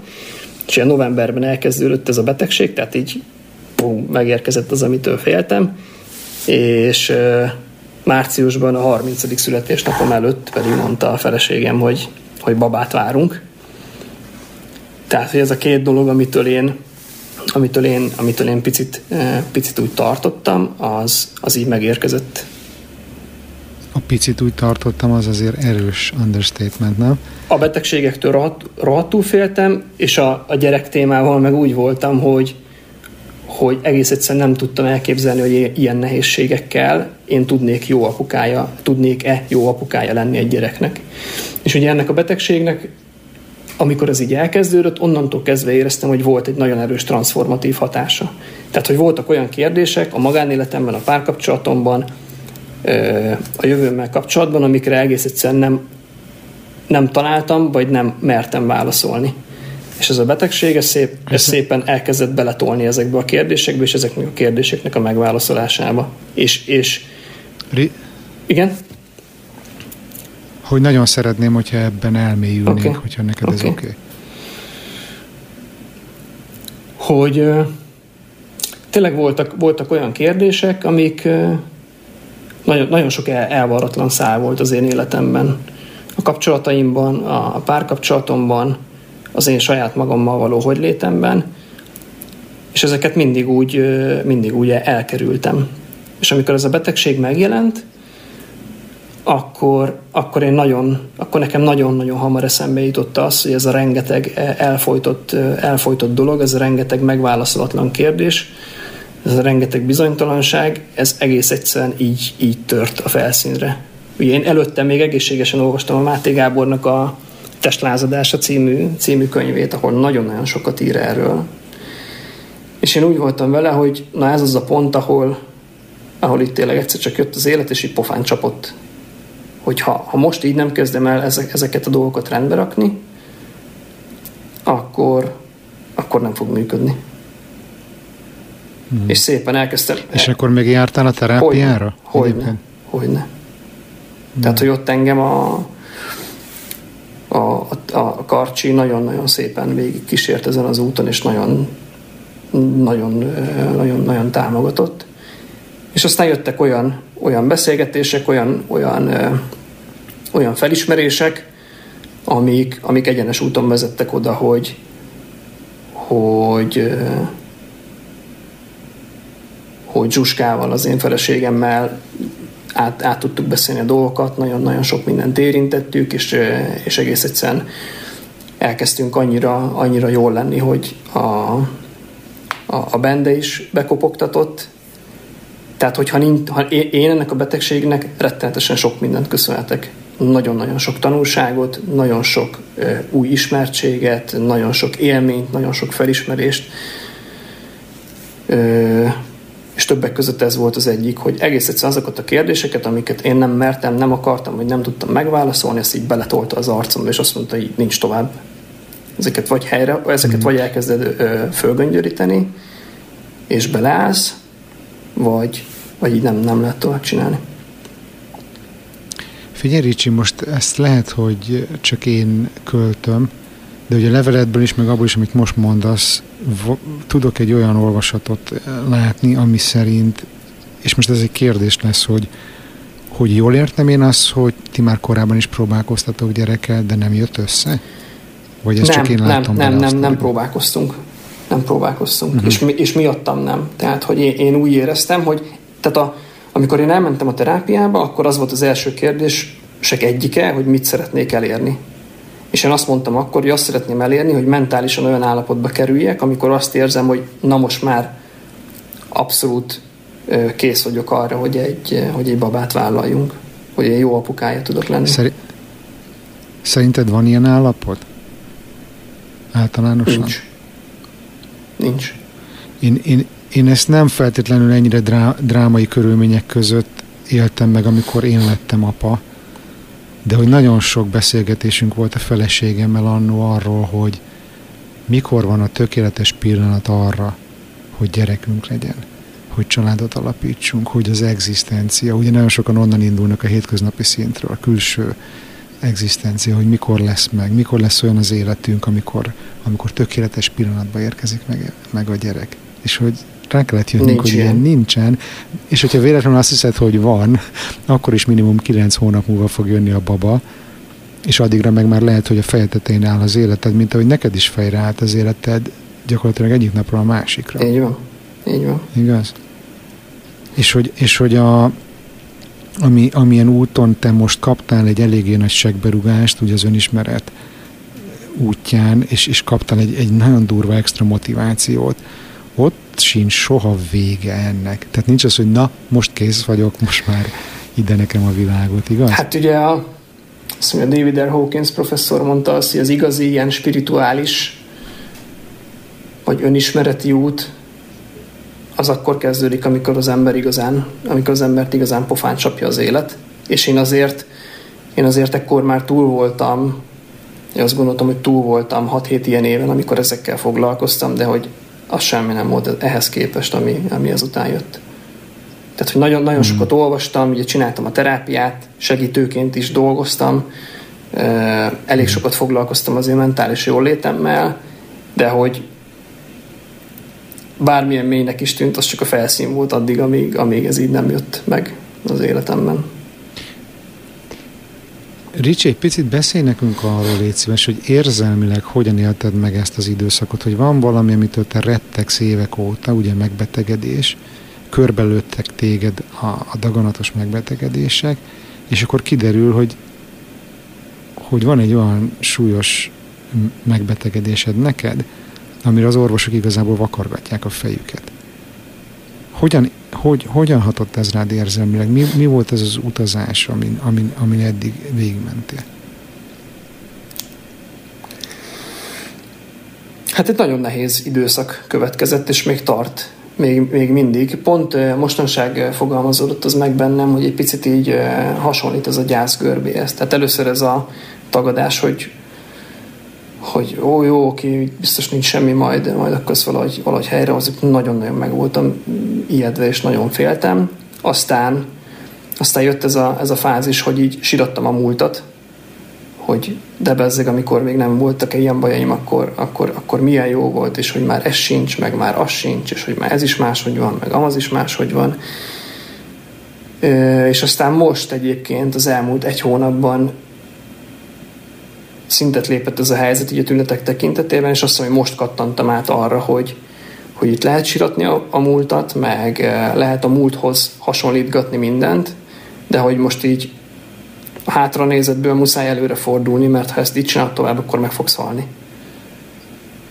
Tehát, hogy, hmm. hogy, hogy valahogy, valahogy erre, erre az útra így, így rákanyarodtam. És eh, ami nagyon-nagyon nehéz, az a, az a bizonytalanság. Tehát, hogy nem tudod, hogy mi van, nem tudod, hogy ez mitől történik, nem tudod, hogy ennek milyen távon, mi a vége, nem tudod, hogy gyógyítható, nem tudod, hogy, ö, ö, nem tudod, hogy pontosan mit, mit eredményez ez, és azért egy, most már 13 hónapot úgy, ö, úgy húztam le, hogy, hogy azért ö, főleg az elmúlt pár hónapot, hogy azért így farkas szemet nézek a, a, a kaszással, és így nem tudom, hogy, hogy most mi fog történni. És hogy akár abba is bele kell gondolni, hogy így mindent el kell engedni. Tehát, hogy én nagyon-nagyon ragaszkodom dolgokhoz. És hogy akár abba is, abba is bele kell gondolni, hogy mindent el kell engedni. Ez mikor jött ez a felismerés? Ez szépen, ez szépen jött így a, jött így a, jött így a folyamatban, de, de egy négy-öt-hat hónapja biztosan, biztosan azért ez így ott van bennem, és akkor ez így, ez így, ez így folyamatosan erősödik. Tehát, hogy, hogy azt, hogy én nagyon ragaszkodom, nagyon ragaszkodom az életemhez, nagyon ragaszkodom a családhoz, nagyon ragaszkodom a gyermekemhez, nagyon ragaszkodom a, az, én, az én korábbi mindennapjaimhoz, ez, ez, ez nagyon erősen itt volt bennem, és ez egy ilyen nagyon erős pánik, pánikérzetet generál, hiszen hogyha valami ez nagyon ragaszkodsz, és nagyon közel kerültél az, hogy így mindent elveszítsél, akkor ez egy elég erős pánikreakciót vált ki, ami pedig egy ilyen további negatív spirálba kezdi el a te állapotodat tolni.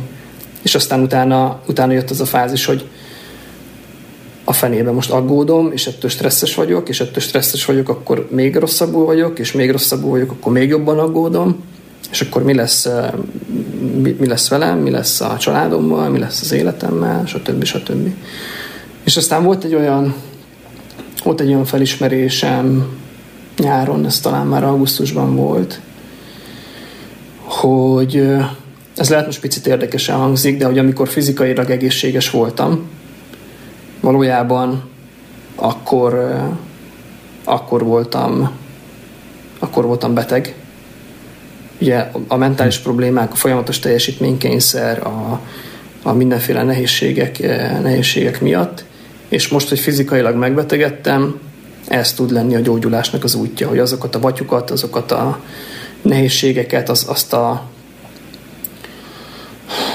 azt a hozzáállást sok mindenhez, az egész egyszerűen azok annyira, annyira mélyen voltak, hogy azokat csak így lehet lerakni. Tehát, hogy így utólag visszatekintve a, a, a big picture-re semmilyen meglepő nincs abban, hogy én megbetegedtem. És hogy ez kb. annak a, annak a folyamata, hogy én ezeket lerakjam, ha le tudom. Hmm. Abból, amit most mondasz, nagyon átjön, hogy te tudatosan foglalkozol azzal, hogy miket érzel, miket gondolsz, és próbálod ezt keretezni olyan módon, ami, ami neked segít. És hogy, hogy én most ezt így le is írtam, lehet, hogy ez lesz a cím az adásnak, hogy, hogy a, a, a betegség az, ami, ami a te tanítómestered? Az egyik mindenképpen, és talán a, leg, a legőszintébb, vagy a leg hatékonyabb. Igen. Hmm. És amikor azt mondod, hogy amikor idézőjelben egészséges voltál, akkor érezted magad betegnek így visszanézve. Mi az a belső működésed most, amikor a fizikai tested beteg? De azt gondolod mégis, hogy ez az egészséges működés? Nagyon-nagyon hatékonyan és könnyen meg tudom húzni a határaimat. Tehát keveset dolgozom, és azt is megválogatom, hogy kivel, nagyon jó emberekkel veszem magam körül, ez, hogy, hogy, a, hogy így mindent, mindent akartam, ez így, ez így elpárolgott, hogy szóval nem, nem szeretnék semmi, semmi nagyon nagy extrát az én életemben, szeretnék szépen nyugiban dolgozni, nem akarok most vállalkozást építeni, nem akarok a, nem akarok a világon minden helyet megnézni, hanem szépen nyugodtan akarok élni, szeretném látni a gyermekemet felnőni, szeretném őt segíteni abban, hogy egy, hogy egy gyönyörű élete legyen, és ennyi, amire, amire most vágyom. Lehet ezt úgy értelmezni, hogy, hogy az ilyen külső, külsőséges értékek, vagy amit annak gondolunk, hogy megmásztam a Himaláját, elmentem nem tudom hova, lefutottam a nem tudom milyen maratont, helyett a hétköznapi élet szépségeiben ott lenni a jelenben? Azt hiszem, hogy azt hiszem, hogy igen.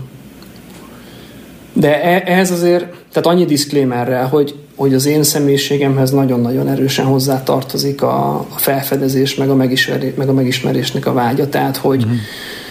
hogy nekem az nagyon-nagyon sokat adott, hogy, nem tudom én, amikor, amikor először sikerült annyi pénzt összegyűjtenem, és annyira szarú voltam lelkileg, az ugye édesapám környéke, meg az egyetemi évek vége volt, hogy azt mondtam, hogy nekem elég volt ebből, és elmentem akkor a Himalájába, elmentem Ladakba, meg keresztül Kasul jártam Kasmírt, meg elmentem a közel-keletre stoppolni, Izraelbe, meg bejártam a West Banket is így stoppal, meg később az indiai utazások. Tehát ezek, ezek az én személyiségemhez, meg az én életemhez, meg az én világnézetemhez nagyon-nagyon sokat adtak hozzá. És egy nagyon, nagyon nyitott és nagyon elfogadó emberkévé tettek. De, de egyébként a mindennapi életnek a teljesítménykényszere az abszolút így elcsitult, vagy így, vagy így megszűnt. És ez persze tűnhet közhelynek, hogy persze nem azok a fontos dolgok, de amíg az ember így benne van, addig, addig ezt nehezen tudja, nehezen tudja felismerni. De hát ez a betegség, ez segített. Hmm.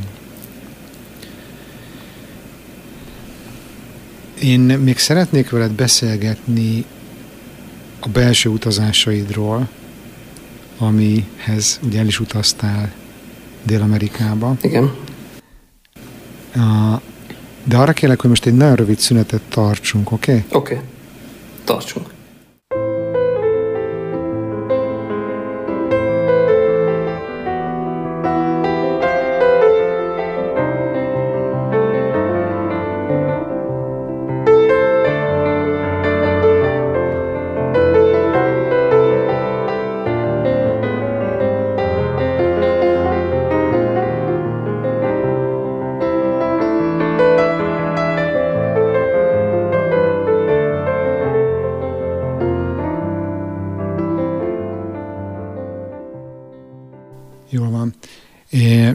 Meséld el nekünk légy szíves azt, hogy mikor volt az a pont, amikor a betegségedet egyre jobban kutatva, most majdnem azt mondtam, hogy megismerve, de nem feltétlenül, eljutottál arra a pontra, hogy most már a nyugati világban nem látsz eh, elérhető megoldást, és valami alternatívához fordulsz. Erről mesél nekünk, Léci.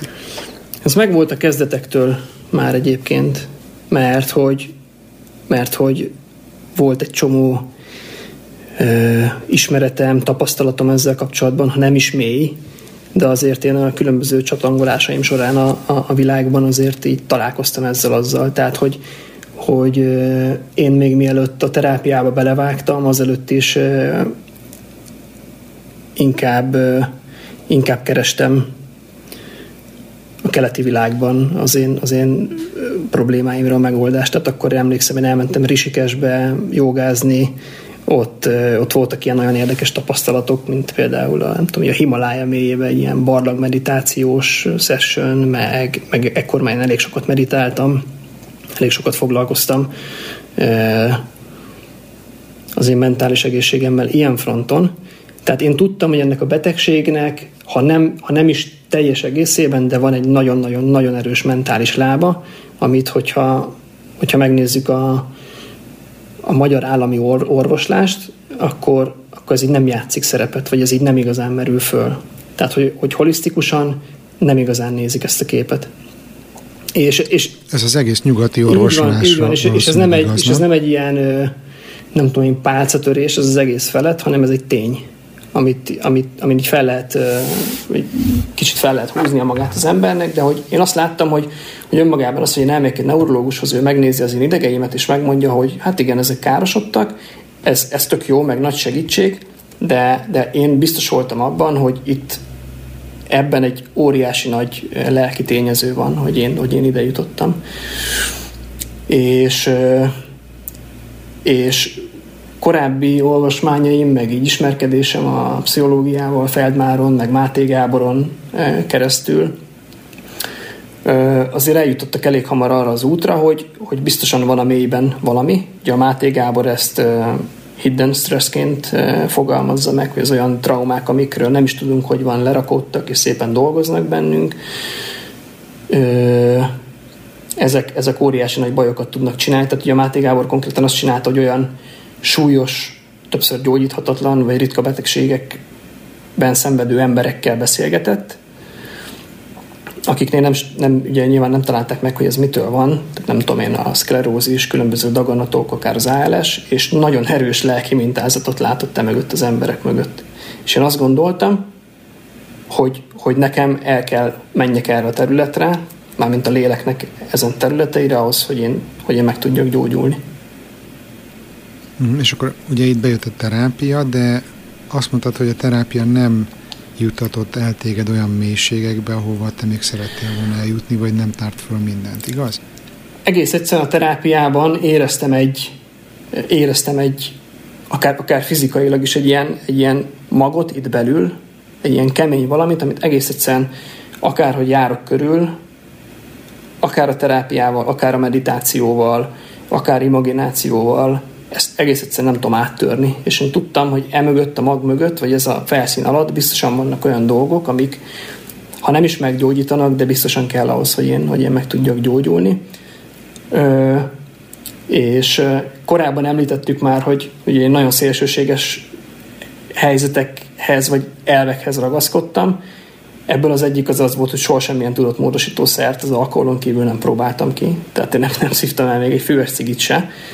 Viszont az is kezdett világossá válni, hogy ezek a, ezek a fajta élmények, vagy traumák, vagy, vagy ilyen stresszfaktorok, ezek valamilyen megváltozott tudatállapotban tudnak csak a felszínre, felszínre kerülni.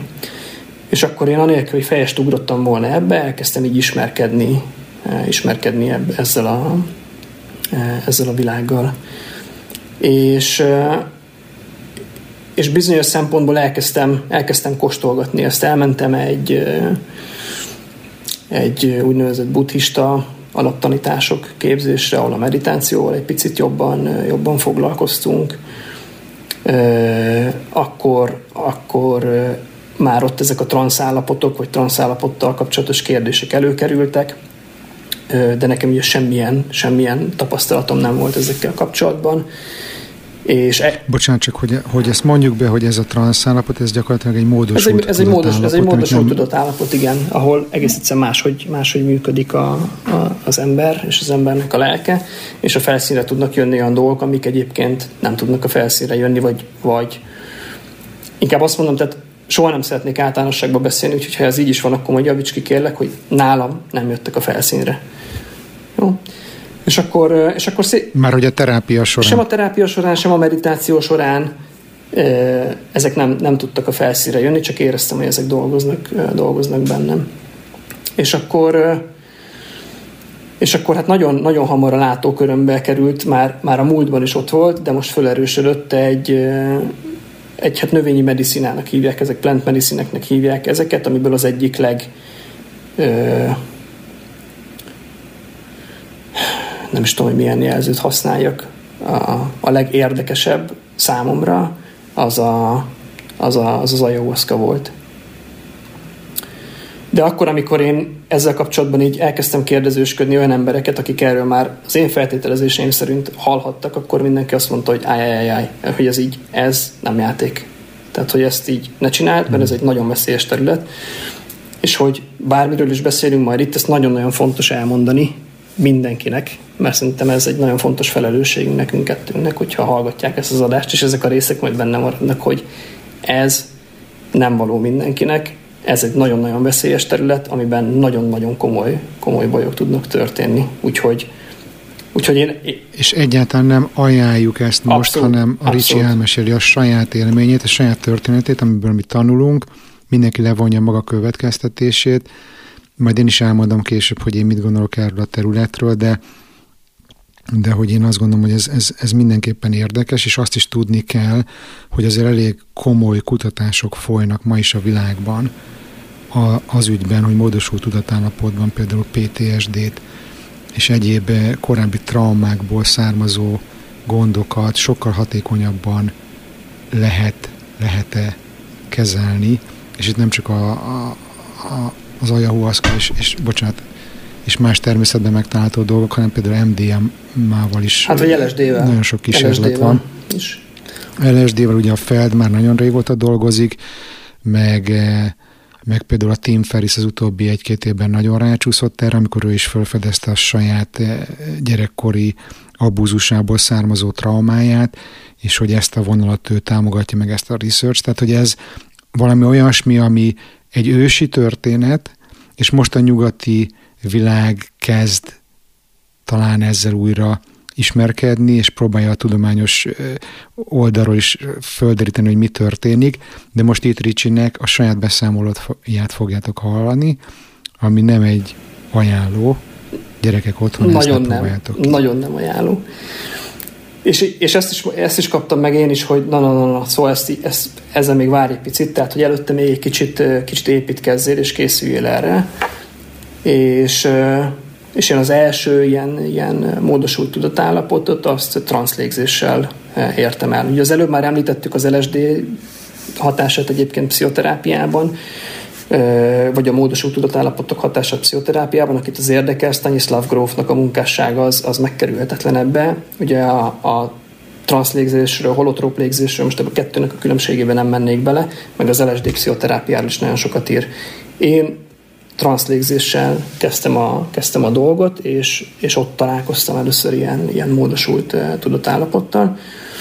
És, és aztán szépen így a, a látóterembe kerültek uh, hát bármennyire is exotikusan hangzik, de hogy ezek azért, ezek azért elég, most már elég jól kutatott területek, és eléggé, eléggé perspektívikus területek, a különböző sámáni, sámáni szertartások így a, a látókörömbe kerültek. És ebben sem vagyok otthon, tehát hogy ha valaki ebben otthon van, akkor majd esetleg kijavít minket, de hogy alapvetően van egy ilyen keleti irány, ez a szibériai tájtos sámán. Ebben a, ebben a világban annyira nem elterjedtek egyébként a, az enteogén dolgok, tehát a pszichoaktív szereknek a használatait más, más megközelítéssel érik el a módosult tudatállapotot. És van a nyugati, dél-amerikai sámánizmus, amiknek a plant medicinek, tehát az úgynevezett növényi medicináknak a, a, a jelenléte viszont nagyon erős. És én elkezdtem mind a kettővel egy picit, picit ismerkedni. Találkoztam a voltam ilyen-olyan szertartásokon, voltam ilyen sámánutazáson, ami egy nagyon érdekes élmény volt, ez főleg a keleti vonalat képviselő sám, ez sámán volt, ez Magyarországon volt. Vannak szerintem olyanok, amiket ki lehet próbálni, vagy, vagy, vagy át lehet élni itt Magyarországon, és van, amit viszont szerintem szigorúan tilos itt, itt csinálni. Egyrészt törvényileg is, de az, ha azt félretesszük, akkor egyébként, egyébként máshogy is szigorúan tilos szerintem itt, itt csinálni, mert óriási nagy gebasz lehet. És Egyébként minden, amit Ricsi mesél, ezt most csak a jegyzőkönyvben mondom, hogy az az elévülési időn túl történt. Igen. És én elmentem egy ilyen, egy ilyen szertartásra, ahol semmit nem kérdezett tőlem ez a sámán, csak a tüneteimet.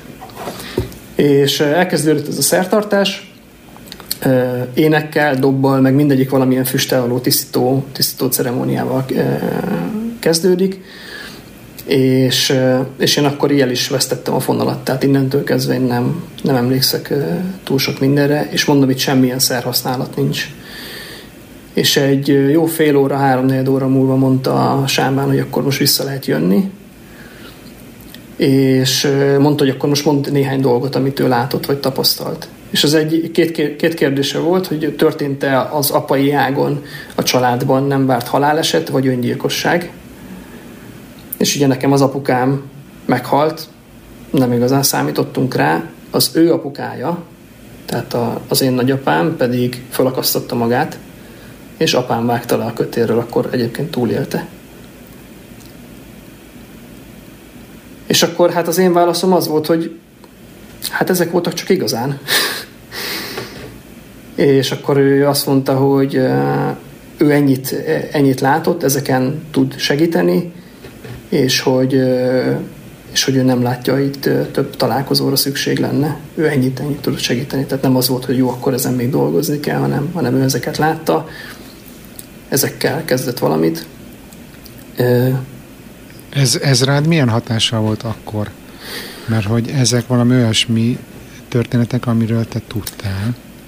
Hát, Volt-e valami bármi változás ettől a szertartástól? Hát én alapvetően ezek, ezekre, a, ezekre a dolgokra nyitott vagyok.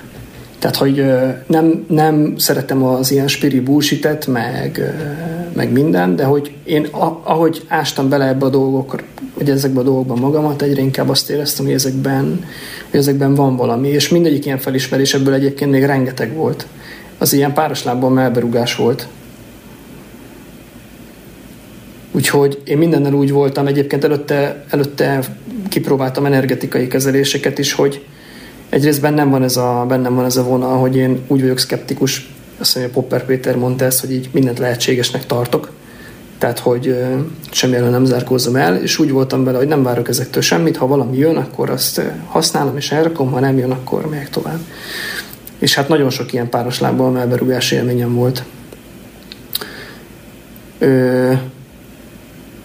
És akkor, és akkor ugye még mindig ott, ott volt az én látómezőmben a, egy ilyen dél-amerikai sámáni, sámáni szertartás, és nagyon-nagyon romlottak a tüneteim, ö, látszólag, látszólag nem, nem segítettek ezek a, ezek a próbálkozások. Ugye volt a meditáció, aztán később a transzlégzés, aztán volt egy ilyen sámáni utaztatás, volt más sámáni szertartás, és ebben most nem mennék, nem mennék bele, szintén, szintén elég, elég rázós terület.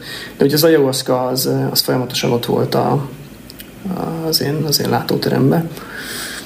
És akkor nyáron elérkezett, hogy visszablépek még párat. Elkezdtem akkor e- ezzel kicsit ismerkedni, hogy mi ez. Ugye elég sokat hallgattam Máté Gábort hallgattam, olvastam, Feldmár is elég sokat beszél erről, talán még a, a Van élet a halál előtt című, című kis dokumentumfilmjében is. Dennis McKenna neve megkerülhetetlen ebben a témában. Elég sokat foglalkoztam vele, és az, és az arra jutottam, hogy, hogy, hogy, ez, hogy ez segíthet Ja, Máté Gábor úgy, úgy jutott el a, a, ezekhez a növényi medicinákhoz, hogy amikor megírta a Testlázadás a című könyvét, akkor ő azt mondja, hogy világ körül ilyen könyvben mutató úton volt, és nagyon sok helyen megkapta azt a kérdést, de ez, ez ugye már sok évvel ezelőtt volt, hogy na és mit gondol, ha már ilyen autoimmun meg mindenféle ritka betegségekről, mit gondol az ayahuaszkának a hatásáról? És hát ö, akkor nem ismerte ezeket a Máté Gábor, azóta tudjuk, hogy van egy healing center Perúban, azt hiszem, ami ezzel foglalkozik. Mert hogy egész egyszerűen az volt a tapasztalata, hogy olyan dolgokat tud a felszínre hozni, olyan dolgokat csinál, hogy vannak olyan tapasztalások, hogy e, gyógyíthatatlan autoimmunbetegségben szenvedő emberek egy sámáni szertartás után lerakják a szteroidot, és soha többet nem kell szedniük. És kutatják, kutatják, hogy ez mitől lehet, meg hogy lehet, de még, és vannak, vannak már elég, e, el, tehát elég sok tudományos kutatás van ezzel kapcsolatban. Na, long story short, így került az én látómezőmbe, nem javultak a tüneteim. Ricsi, Ricsi, bocs, itt csak egy pillanatra álljunk meg, jó? Egyrészt be fogom rakni a, az adásnaplóba azt a beszélgetést, ahol Tim Ferris Máté Gáborral egy olyan jó két órát beszélget az első felében a traumáról, a második felében pedig erről, és hogy nagyon érdekes látni, hogy egy orvos hogyan, hogyan eh, nyilatkozik a történetről. Tényleg, akit érdekel a téma, szerintem az egy jó kezdés lehet ebben elmerülni. És mielőtt elkezded mesélni konkrétan az, hogy neked mi volt a tapasztalatod az ayahuasca szertartáson, én nekem az a kérdésem, és tényleg laikusként, és úgy, hogy nekem nincsenek ilyen tapasztalataim. Amiket én erről gondolok, nyilván olvastam már erről, meg, meg engem is érdekel a téma, de saját tapasztalat nélkül, amit én erről gondolok, az az, hogy, hogy van rengeteg olyan trauma, ami ugye miért, miért vannak a tudatalatunkban elnyomva e, élmények, traumat, traumatizáló élmények. Azért, hogy ne szenvedjünk tőle, azért, hogy, hogy, hogy ne kelljen vele nap mint nap foglalkoznunk.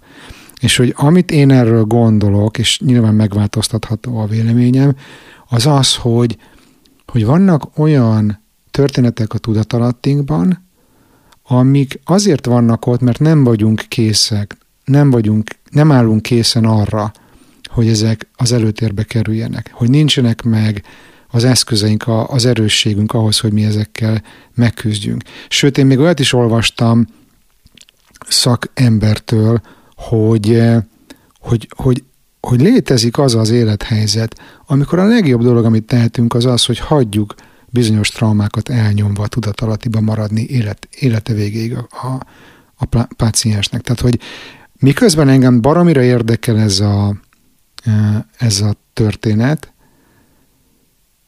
nem merem kipróbálni, vagy eddig még nem mertem kipróbálni, és az egyik, vagy a félelmem az az, hogy mi van, hogy olyan dolgok jönnek elő, amire én még nem vagyok készen. És hogy nagyon megválogatnám azt, hogy milyen körülmények között veszek részt egy ilyen, e, egy ilyen e, szertartáson, és nekem azt hiszem, hogy az lenne a szempont, hogy legyen ott velem nyugati világban is képzett pszichiáter, vagy, vagy valamilyen szakember, aki amikor látja, hogy mit hozok föl a mélyből, akkor utána ott van nekem arra, hogy én azt utána egy egyéni munkában feldolgozzam. És én azért is félek ezektől a szertartásoktól, és ez nem fejtetlenül csak az ayahuasca, egyébként ezt például a terapeután még a családállításra is mondta, hogy aki, hogy oda mész, és följön valami, és hogy te mondtad, melberug, és utána, és utána mi van? Hát a melberugás az itt egy nagyon, nagyon gyenge megfogalmazás, tehát hogy ezek alatt össze lehet roppanni lelkileg és mm. ezek alatt tehát mm. ténylegesen össze lehet, össze lehet omlani. Szóval ö, nekem, amikor én elkezdtem ezzel kapcsolatban ö, így érdeklődni, az volt a, a, az előfeltétel annak, hogy én, hogy, én, hogy én részt vegyek ilyen szertartáson, hogy érzem. Tehát, hogy van egy érzés bennem, hogy itt most én biztonságban leszek, vagy itt oké okay lesz és egyszerűbb lett volna Magyarországon elmenni, tehát hogy így mindenféle logisztikai szempontból, de egész egyszerűen nem éreztem azt, hogy, hogy ez itt oké. Okay.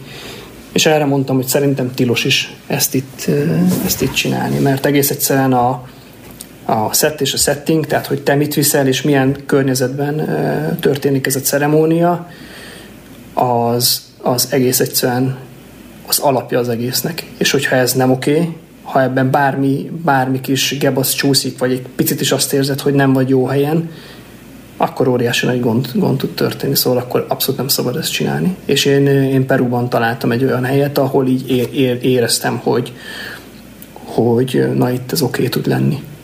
És hogy tehát, hogy azért senki ne, se, és nagyon szépen kérek mindenkit, azért senki ne próbálja ki, mert hogy ez így izginek tűnik, meg így, meg így ez lehet, hogy akkor na, akkor ez egy, ez egy ilyen jó, jó, jó buli. A Fecska de akinek a, neve, akinek a nevét szerintem itt jegyezzük meg, mert Magyarországon ő egy orvos, tehát ő egy, ő egy nyugati orvoslásban elég elismert orvos, aki kutatja ezt a, ezt a témát, majd a show tudunk bedobni előadását.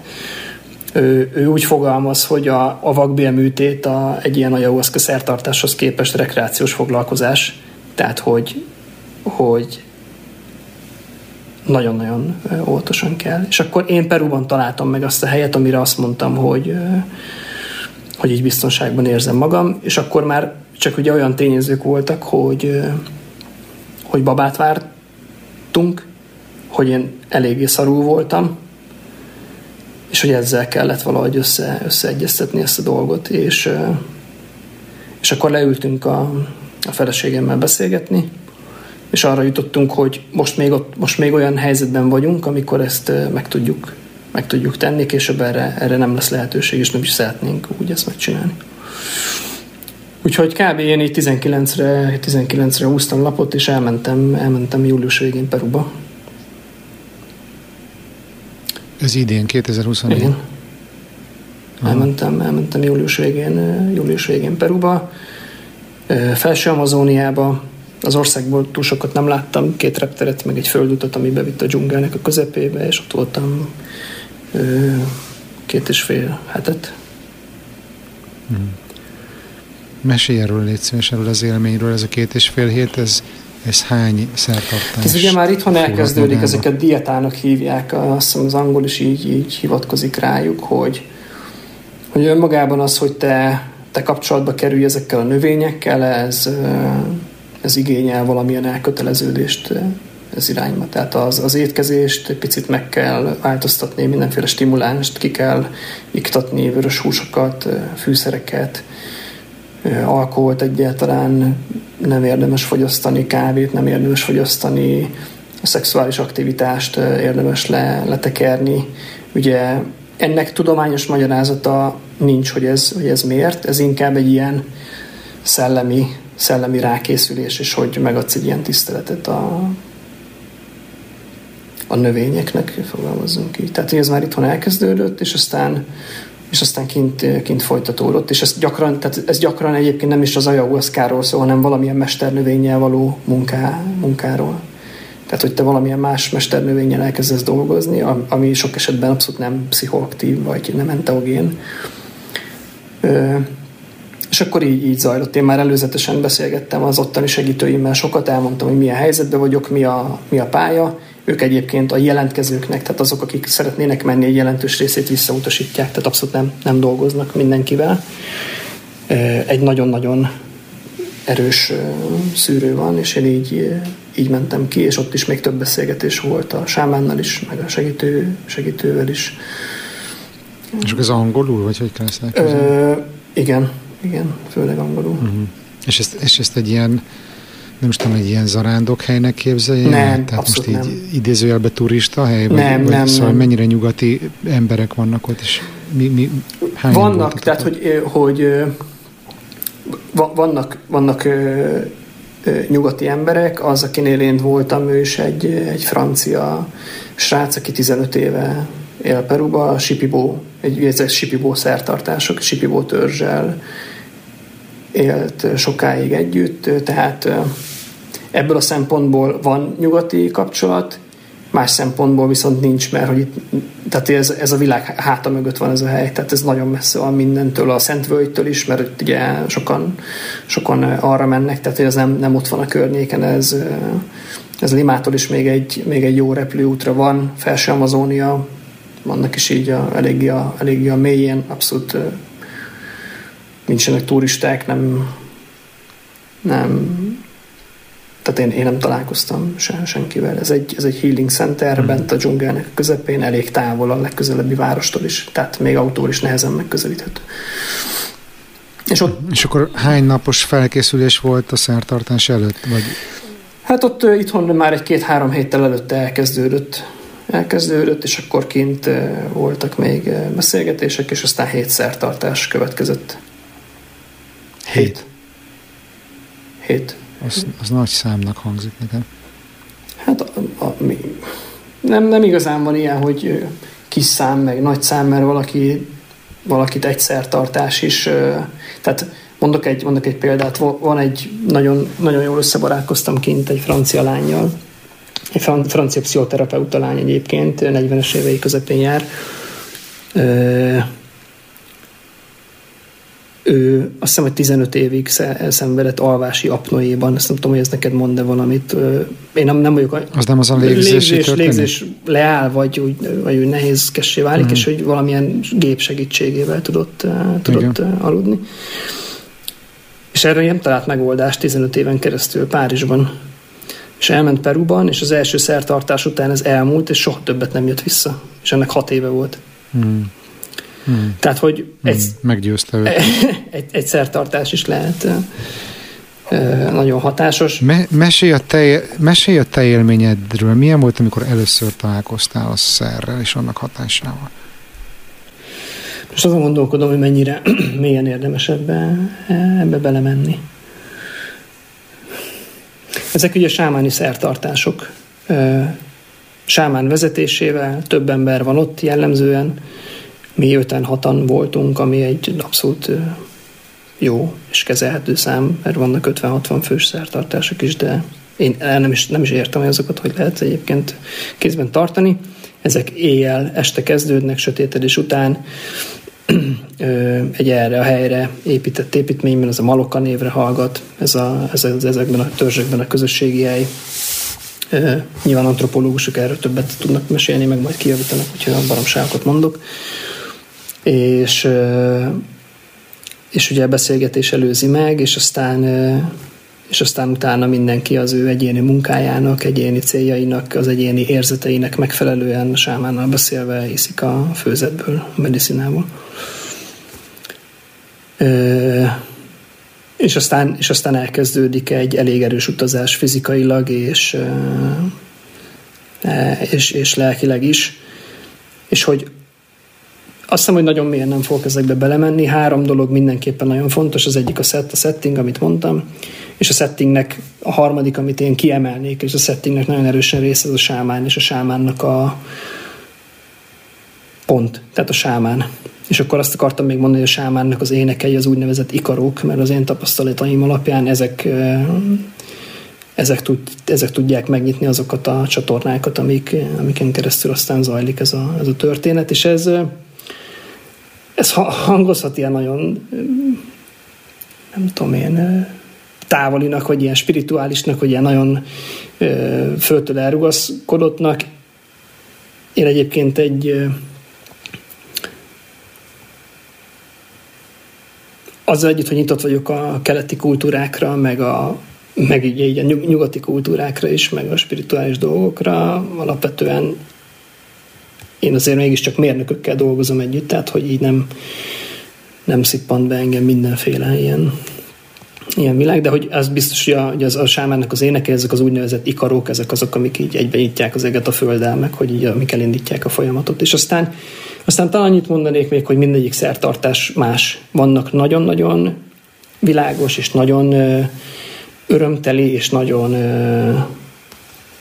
tényleg nagyon nagy magasságokba emelkedő szertartások, és vannak iszonyatosan mélybetoló szertartások, ahol, ahol halálhoz nagyon-nagyon közeli élményeket lehet átélni, vagy akár a halálnak az élményét is át lehet élni, és ezek, ezek egy elmondva könnyebbek. A szertartásokról túl sokat nem mesélnék, de talán az utózöngéiről csak, hogy, hogy aki, akinek nagyon meg... Ne haragudj, Ricsi, bocs, bocs, csak annyit még a szertartásról, hogy ez, hogy hét különböző szertartáson vettél részt, és különböző utazások voltak ezek, ez gyakorlatilag attól függ, hogy a sámán téged hova vezetett?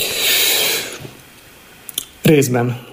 Részben, tehát hogy ez mindig, mindig mindig ilyen közös munka. Tehát nyilván van egy, van egy package, amit hozok én is, és egyébként visszautalva arra, amit mondtál, hogy, hogy nem biztos, hogy jó, ha olyan dolgok feljönnek, amire föl vagy készülve, ez abszolút igaz, és ezzel maximálisan, maximálisan egyetértek. Amire nem vagy felkészülve. Amire nem vagy felkészülve, igen. Uh-huh. Tehát ezzel maximálisan egyetértek.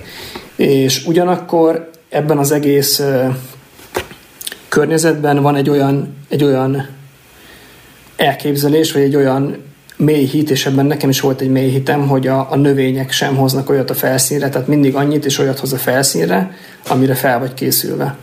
És ez csak akkor igaz, mm. hogyha egy olyan környezetben használod.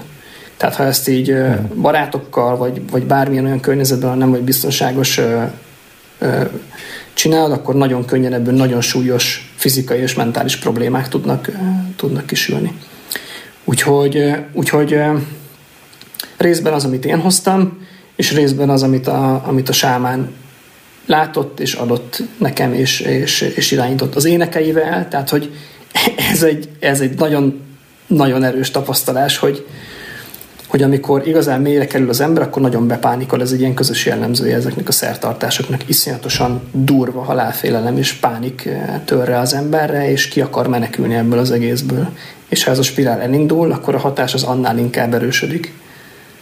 És hogy aki volt már ilyen, az tudja, hogy ezt egy módon lehet e, túlélni, hogyha leülsz a sámán elé, vagy ő leül elé, ha te nem tudsz mozogni, és énekel neked.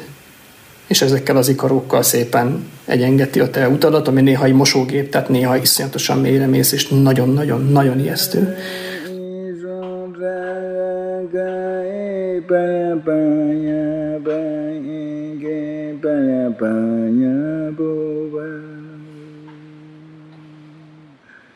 Kano abo kano bondra aga enjo ro wa kuba son so wa so wa bo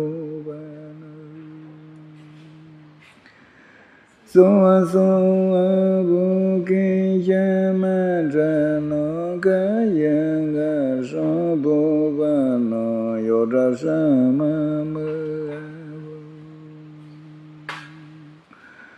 vô ra sa ma mơ ga bồ ga cô ma bồ đề vơ ra pi ya bồ ta cha ma so so wa so wa bồ ke Tényleg a, a fecska de elég sokat beszél erről, de personalizációról, az egónak a teljes megsemmisüléséről, a begringózásról, ahogy hívják ezt.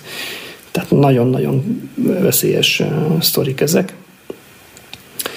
És mondom, nagyon ezekben a szertartásokban, meg hogy mi jött föl, ezekben nem mennék bele, de az utózöngéjéről, ha még mesélek két mondatot azzal a célral, hogy, hogy itt tényleg, akit érdekel ez a sztori, az is nagyon erősen gondolja át. Nekem egyébként az utolsó szertartás volt a legnehezebb, és utána nem sokkal én ugye indultam haza.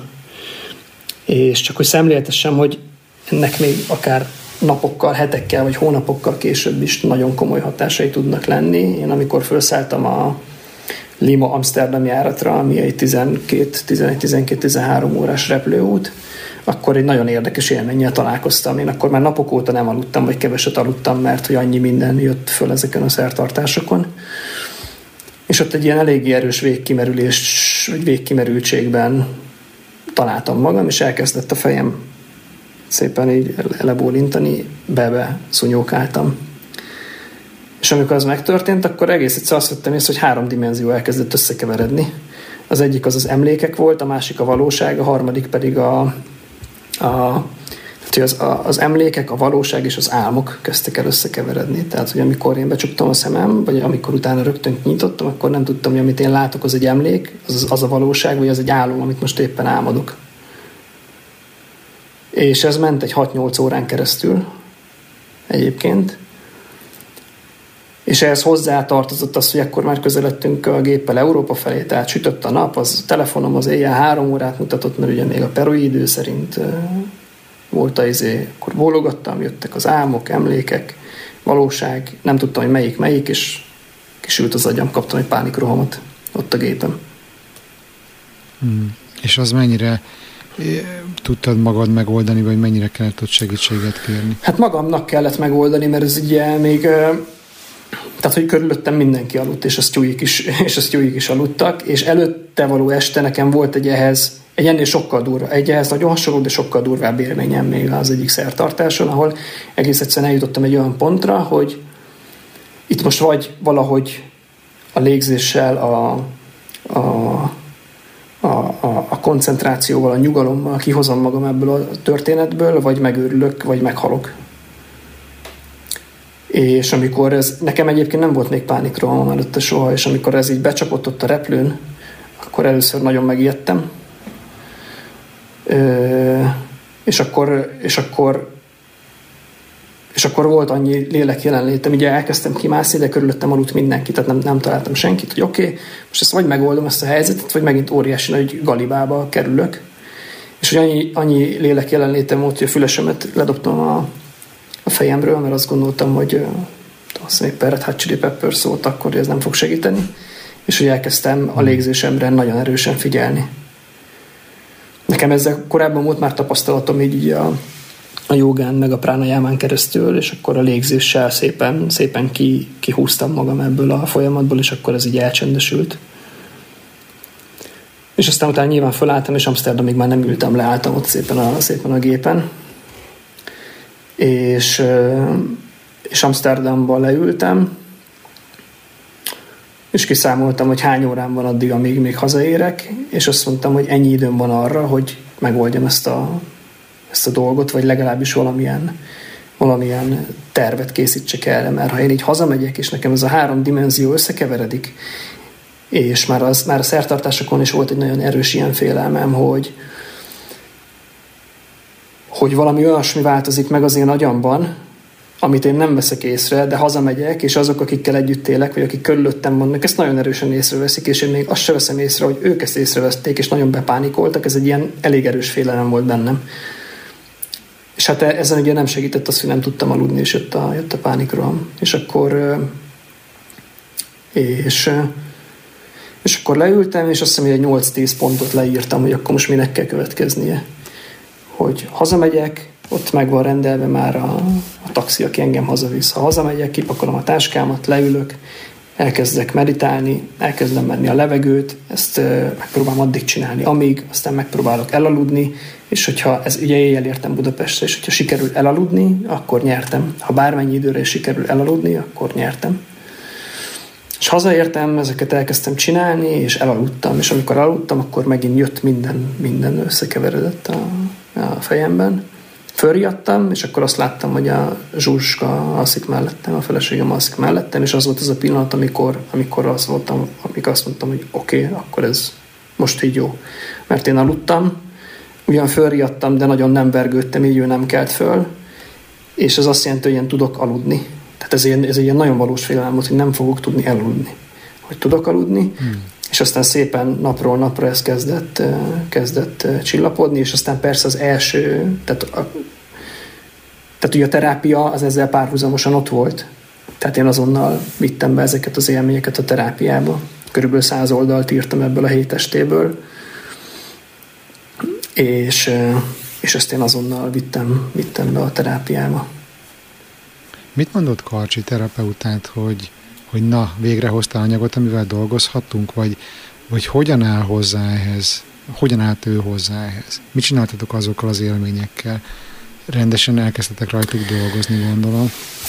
Az ő szerepe ebben az egészben már kezdetektől egy nagyon fontos volt, de abban az értelemben, hogy hogy ő engem, mint személyt támogatott.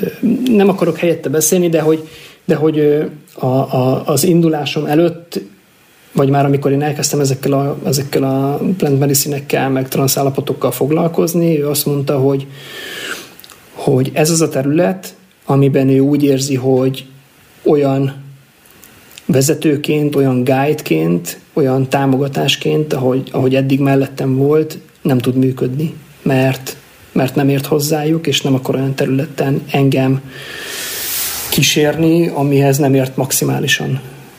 És ezért ő azt mondta, hogy ez, ez az én döntésem, ő annyit tud csinálni, hogy itt van, mint egy ilyen konciliére. Ez, ez, az, ez az én megfogalmazásom, de hogy itt van támaszként, vagy inkább, inkább a, a mély terápia segítségből kilép egy ilyen tanácsadó szerepbe. És amikor visszahoztad a kincseket, amikor, akkor amikor, amikor visszahoztam a, a, azt, amit én átéltem, meg amit, amit, amit tapasztaltam és leírtam, akkor, szint, akkor, akkor ezeken egy nagyon erős terápiás munka, munka, kezdett, munka kezdődött el, és, és néhány nehéz alkalom után lényegében arra jutottunk, azóta is, azóta is dolgozunk, dolgozunk ezen, de azért ez egy, egy pár alkalom alatt e, e, ezen végigmentünk, de hogy e, néhány alkalom után arra jutottunk, hogy, hogy ez az, ami följött, hogy ez, ami följött, ebből egy is évekre elég lenne, amíg ezt az ember földolgozza, meg integrálja, és ebből nekem jött legalább 5-6 ilyen topik, úgyhogy először örüljünk annak, hogy én ezt valahogy megúsztam, ébbőrrel, mert én is éreztem, hogy nagyon, nagyon elmentem a, a, a sztorinak a széléig, és, és akkor szépen ezt uh, szisztematikusan elkezdtük, uh, elkezdtük földolgozni, és az a, az a várakozásom, ami, ami ezzel kapcsolatban volt, hogy olyan témák jönnek fel, amikre én nem találtam, amik, amikhez én nem jutottam hozzá, az maximálisan az maximálisan beigazolódott és egyedül ezt lehetetlen megcsinálni, tehát hogy ezt nem lehet. Hiába éled át, leírod, még utána olyan erős összefüggések kerülnek a felszínre, és utána még a terápiás ülésben is volt, mondtam is, hogy van, volt olyan, olyan alkalom, ami, aminél abszolút úgy éreztem magam, mint egy ceremónia végén, hogy ugyanolyan durva folyamatokon.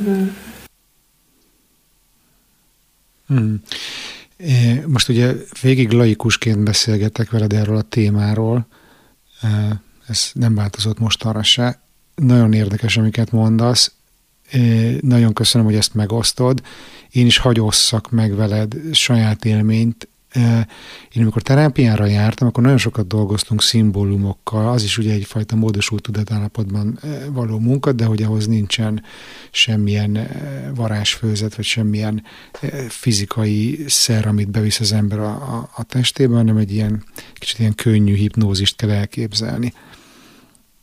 És hogy én még ebben is rengetegszer tapasztaltam meg azt, hogy, hogy akár hónapokkal azután, hogy volt egy ilyen session, jöttek még fölismerések, vagy, vagy ütöttek be még, még, még dolgok. Tehát, hogy egyrészt, amit most meséltél ezt a horror story nekem horror story ezen a, ezen a, a repülőúton, azt ugye nem lehet tudni, hogy mennyire még benne van a szervezetedben a szer, és még az dolgozik, vagy már mennyire valami a tudatodban dolgozik, ezeket A második nehéz. inkább. Nem tudom pontosan a kiürülés idejét, ugye ennek a hatóanyaga a DMT, tehát nem tudom pontosan a kiürülés hmm. idejét, de inkább a második. Hmm. És ugye azt is mondják, van egy ilyen ökölszabály, hogy egy ilyen ceremónia sorozat után legalább egy évig ne nyúj ilyesmihez. Hmm. Amit mondták korábban, hogy, hogy bármennyire is dolgoztál a terápiában, és, és mindenféle egyéb módszerekkel az önismereteden magadon, hogy ott volt középen valami kemény mag, amit így nem tudtál feltörni, hogy az, az, azt így sikerült feltörni? Hát az szétrobbant konkrétan. Igen, tehát ebben olyan kérdések voltak, amikre én nem találtam a választ, akár hogy kerestem, vagy azért, mert nem mertem ezzel szembenézni, vagy azért, mert nem találtam, és hogy ezek így szertartásról szertartásra, akár képszerűen jöttek ezekre a kérdésekre a válaszok. Tehát, hogy, uh-huh. hogy so, er, er, erről sokan beszáll, tehát nagyon-nagyon sok érdekesség van a növényekkel való munkával kapcsolatban, de erről sokan beszámolnak, hogy például egy ilyen egy ilyen módosult tudatállapotban abszolút egy entitásként jelenik meg a növény, és abszolút, ráadásul az ayahuasca egy női entitásként jelenik meg, akivel párbeszédet tud folytatni az ember. Nálam ez ennyire erősen nem volt, de ugye ezeknél a szertartásoknál nagyon, nagyon fontos, hogy legyen egy ilyen egy, egy kérdés, vagy egy szándék, amivel te mész és hogy azon, azon tud segíteni dolgozni, és és volt, amikor kérdéssel mentem, volt, amikor csak úgy mentem, hogy akkor én most hátradőlök, mert egész egyszerűen ki van sülve az agyam, és hogy így vigyél, ahova akarsz, és hogy, és hogy abszolút ezek, ezek, ami ott volt lent, az maximálisan feljött, és olyan is, ami, aminek így a gondolati síkon az ezt megelőző években a közelében nem jártam. Közelében nem jártam. Mm, tehát még a kérdésre tetted abszolút, föl, de jött abszolút. a Csip, mm. jött egyszer csak egy mm. olyasmi, olyasminek kell ezt elképzelni, hogyha én nagyon képszerű akarnék lenni, hogy van egy puzzle amiből neked, amiről azt gondolod, hogy ez egy 500 darabos puzzle, és akkor te azt rakosgatod a terápiával, a, a munkával magadon, stb. stb. És akkor egyszer csak így kiderül, hogy ez egy 4000 darabos puzzle, és össze is ugrik egy pillanatra egy képé. Hmm. És, és hát ezt, ezt azért nehéz. Ez nehéz. És akkor mondom, vannak nagyon pozitív, és nagyon-nagyon, nem azt mondom, hogy negatív, hanem máshogy pozitív, tehát nagyon nehéz, nagyon nehéz élmények itt. Úgyhogy na, Most ez a történet... Úgyhogy nagyjából így, így, így zajlott ez a, Aha. a sztori. Aha. Figyelj, Ricsi, hogy ez most akkor, ha jól számolom, ez ilyen négy-öt hónappal ezelőtt. Hát én augusztus közepén ugye? jöttem haza, igen. És most november vége van. Érzel-e valami változást?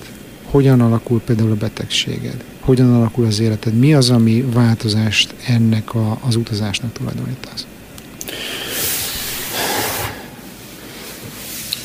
Hát egyrészt nagyon-nagyon sok változást hozott az életembe, a mindennapi működésembe, a gondolkodásomba, ahhoz, hogy, hogy azok a terhek lekerültek a vállamról, amiket én így kicsit hajszoltam, hogy ezekre a kérdésekre kell a válasz, kell a válasz, mert ezek nélkül nincs, nincs gyógyulás. Szóval én azt mondom, hogy ez egy nagyon fontos építőkockája volt a, a gyógyuláshoz vezető útnak, ha lesz ilyen, ezt most még nem tudjuk, mert nyakig benne vagyok. A tüneteim, csak hogy válaszoljak, ezek romlanak.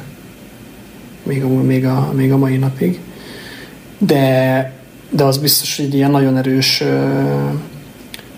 teher az lekerült a vállamról, nagyon sok stressz, trauma az felszakadt, és aztán az utána való terápiás munkának köszönhetően meg megintegrálódott is, amennyire integrálódni tud, és, és na- nagyon-nagyon kellett ez nekem az utána való léthez.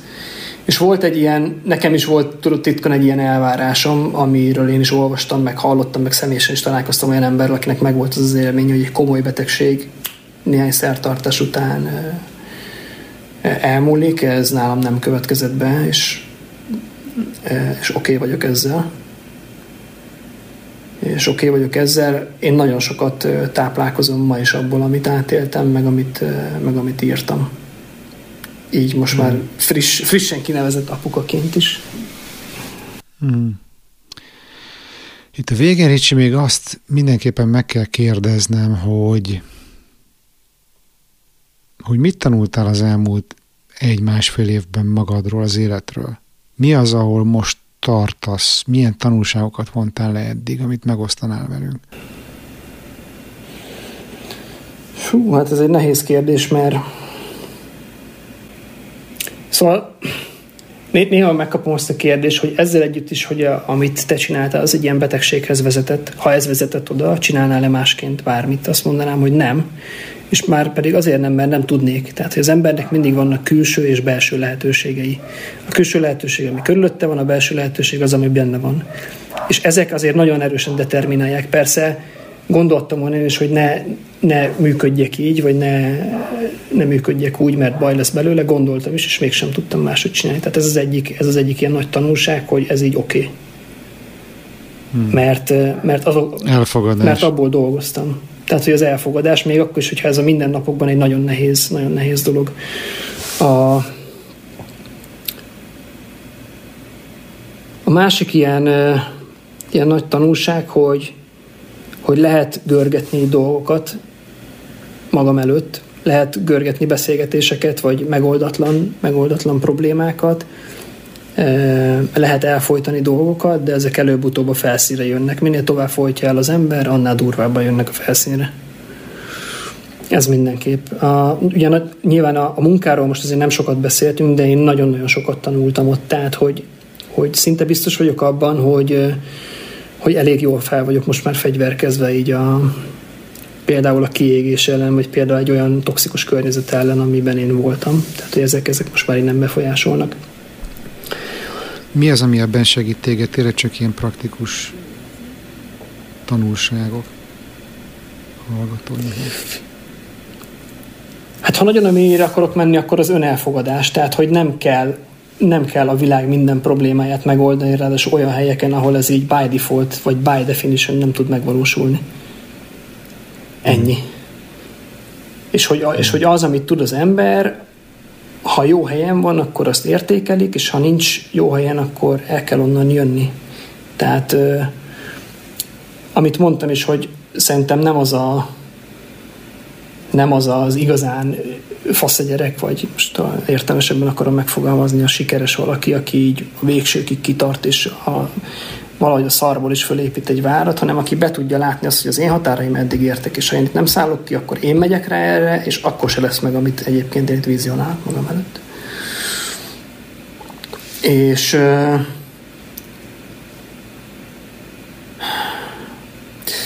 még mindenképpen egy nagy, nagy, nagy tanulság, amit lehet, hogy egy lehet, hogy jobb lenne, hogyha azt az idézetet felolvasnám, amit talán neked is elküldtem, vagy te felolvasod, mert a te hangod mélyebb. Felolvasom. És egyébként előbb, amikor mondtad ezt a külső meg a belső lehetőséget, azért mosolyogtam, mert nekem is Popper Péter volt az, aki elindította ezen az önismereti úton, vagy az érdeklődésem a pszichológia iránt, és ugyanígy ebben a belső utak könyvében írt erről is, szerintem, Igen. vagy az emlékeim szerint ez nem tudom melyik könyvben volt, Popper Péter mesélt egy Pilinszkivel való beszélgetésről. A katolikus költő megjegyezte. Utállak benneteket pszível kezdődő foglalkozásúakat. Miért utálsz János? Mert nagyon nagy terheket raktok az emberekre. Azt hirdetitek, hogy minden emberi problémának van megoldása. Ezzel sikerült elérnetek, hogy az emberek többsége úgy érzi, csak ő olyan hülye, hogy nem tudja megoldani a szexuális problémáit, a szüleivel való viszonyát, a, házas, a házasságát, az egzisztenciális ügyeit, a politikai orientációját, stb., és ezért összeomlik.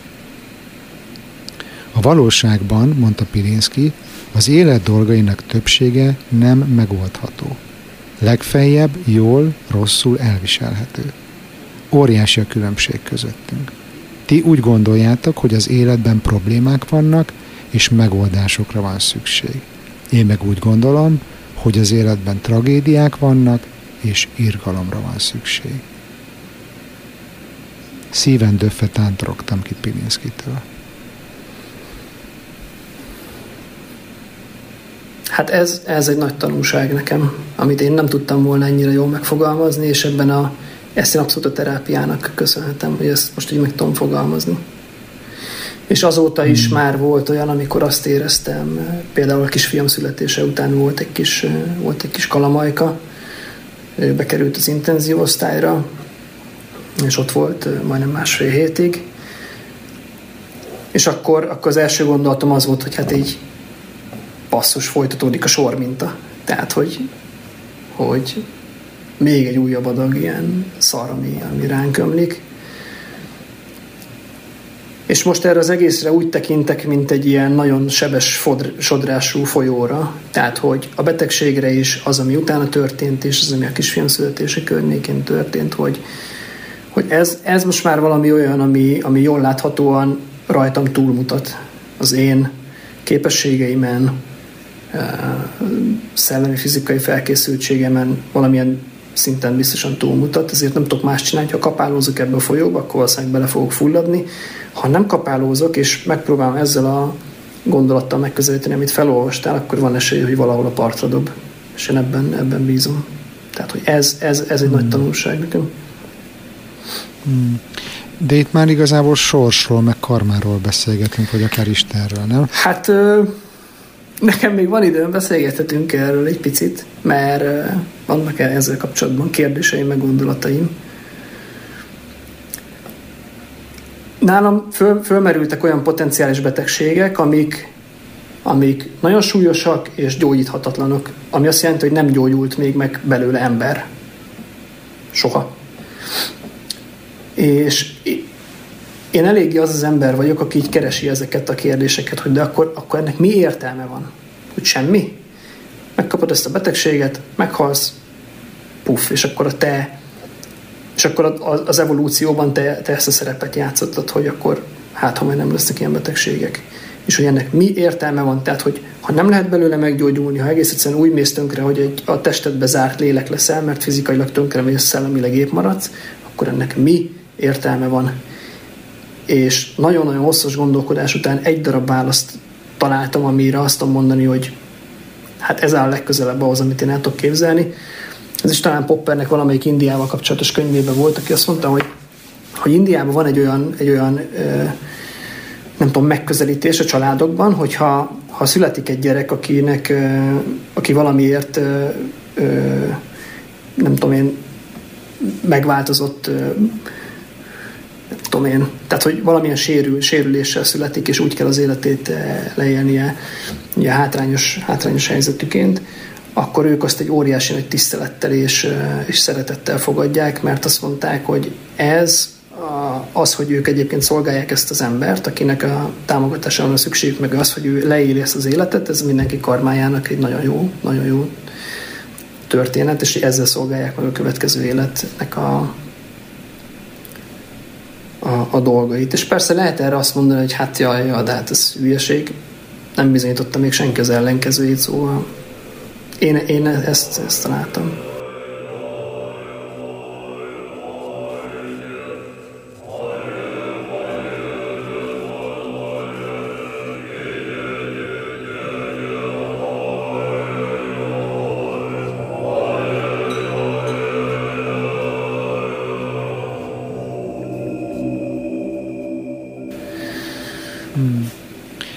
Egyébként egybecseng szerintem azzal is, ami, ami, amit Viktor L. Franktól lehet tanulni, hogy minden szenvedés elviselhető, hogyha értelmet találunk benne. És hogy te ezt nagyon keresed, nagyon intenzíven keresed. Mert ugye szenvedésből jutott bőven. És akkor még itt talán a, a, a végén itt a, a világ megváltó bölcseletekhez még azt is hozzátenném, hogy, hogy kétféle, kétféle lehetőség van egyesek szerint az életben, hogy az A, szenvedve szenvedsz, a másik, hogy szenvedve fejlődsz, és hogy te a, mindenképpen a második utat járod. Igen, de. És ugye azt mondják, hogy ha, ha, ha igen, de kezdek sok vonatot, akkor az valójában azt jelenti, hogy nem értek egyet azzal, amit mondasz, egyetértek. Mindazonáltal, emellett.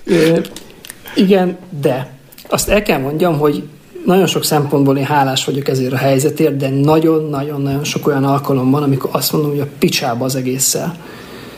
Tehát, hogy lehet ezt cifrázni, hogy akkor terápia, meg önismeret, meg izé, és akkor erre is megvan a válasz, meg arra is megvan a válasz, de ténylegesen sok olyan alkalom van, amikor azt mondom, hogy at the end of the day a picsába az egésszel, mert megy tönkre a szervezetem, és én, ha ez az ára az önismeretnek, meg a izének, akkor én nem akarok ezen az úton végig menni.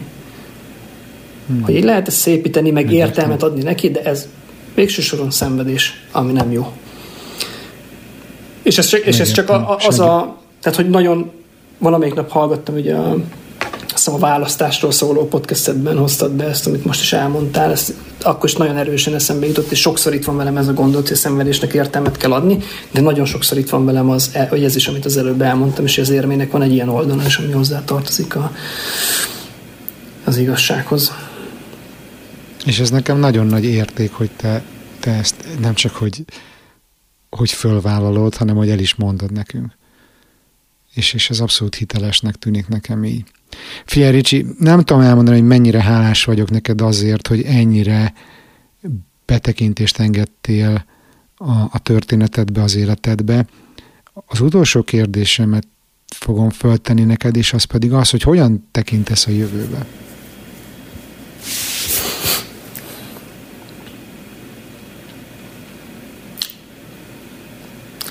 Hát van bizakodással, bizakodással, meg kíváncsisággal. Azt, azt el, kell, el kell, hogy mondjam, mert az igazsághoz ez is hozzá tartozik, hogy a, a nyugati orvoslásnak az utolsó intézménye szerintem, ahol én nem jártam, az, úgynevezett ritka betegségek intézete. És a felvételhez képest, most van hétfőn, csütörtökön megyek ide, eddig ennek ellenálltam, és azt mondtam, hogy én nem akarom, hogy, valamire, amiről nem tudjuk, hogy mi ráfogjuk, hogy hát ettől is lehet, meg attól is lehet, mert az olyan lelki teher, amit én nem akarok elviselni, én nem akarok cipelni, de ide elmegyek. És úgy vagyok vele, hogy jöjjön, aminek jönnie kell. Tehát ha valami önderül ki, ami akár azt jelenti, hogy vége a sztorinak, akkor most már kész vagyok arra, hogy ez kiderüljön. De egyébként nagyon bizakodással tekintek erre a, erre a történetre. Amikor, a, amikor az én kisfiam született, és ugye mondtam, hogy ő elég, egy né- néhány napot elég nehéz helyzetben volt, akkor én úgy voltam vele, hogy hogy ez is egy olyan, amit el kell viselni, és én annyit tudtam neki segíteni, hogy leírtam neki mindent, nagyon pontosan, hogy mi történt. Leírtam, hogy Bendó, ha az életben problémáid lesznek, és olyan kérdésekre keresed a választ, amire látszol, hogy nem találod, itt a születésed története percről percre, és azután a következő napok története percről percre.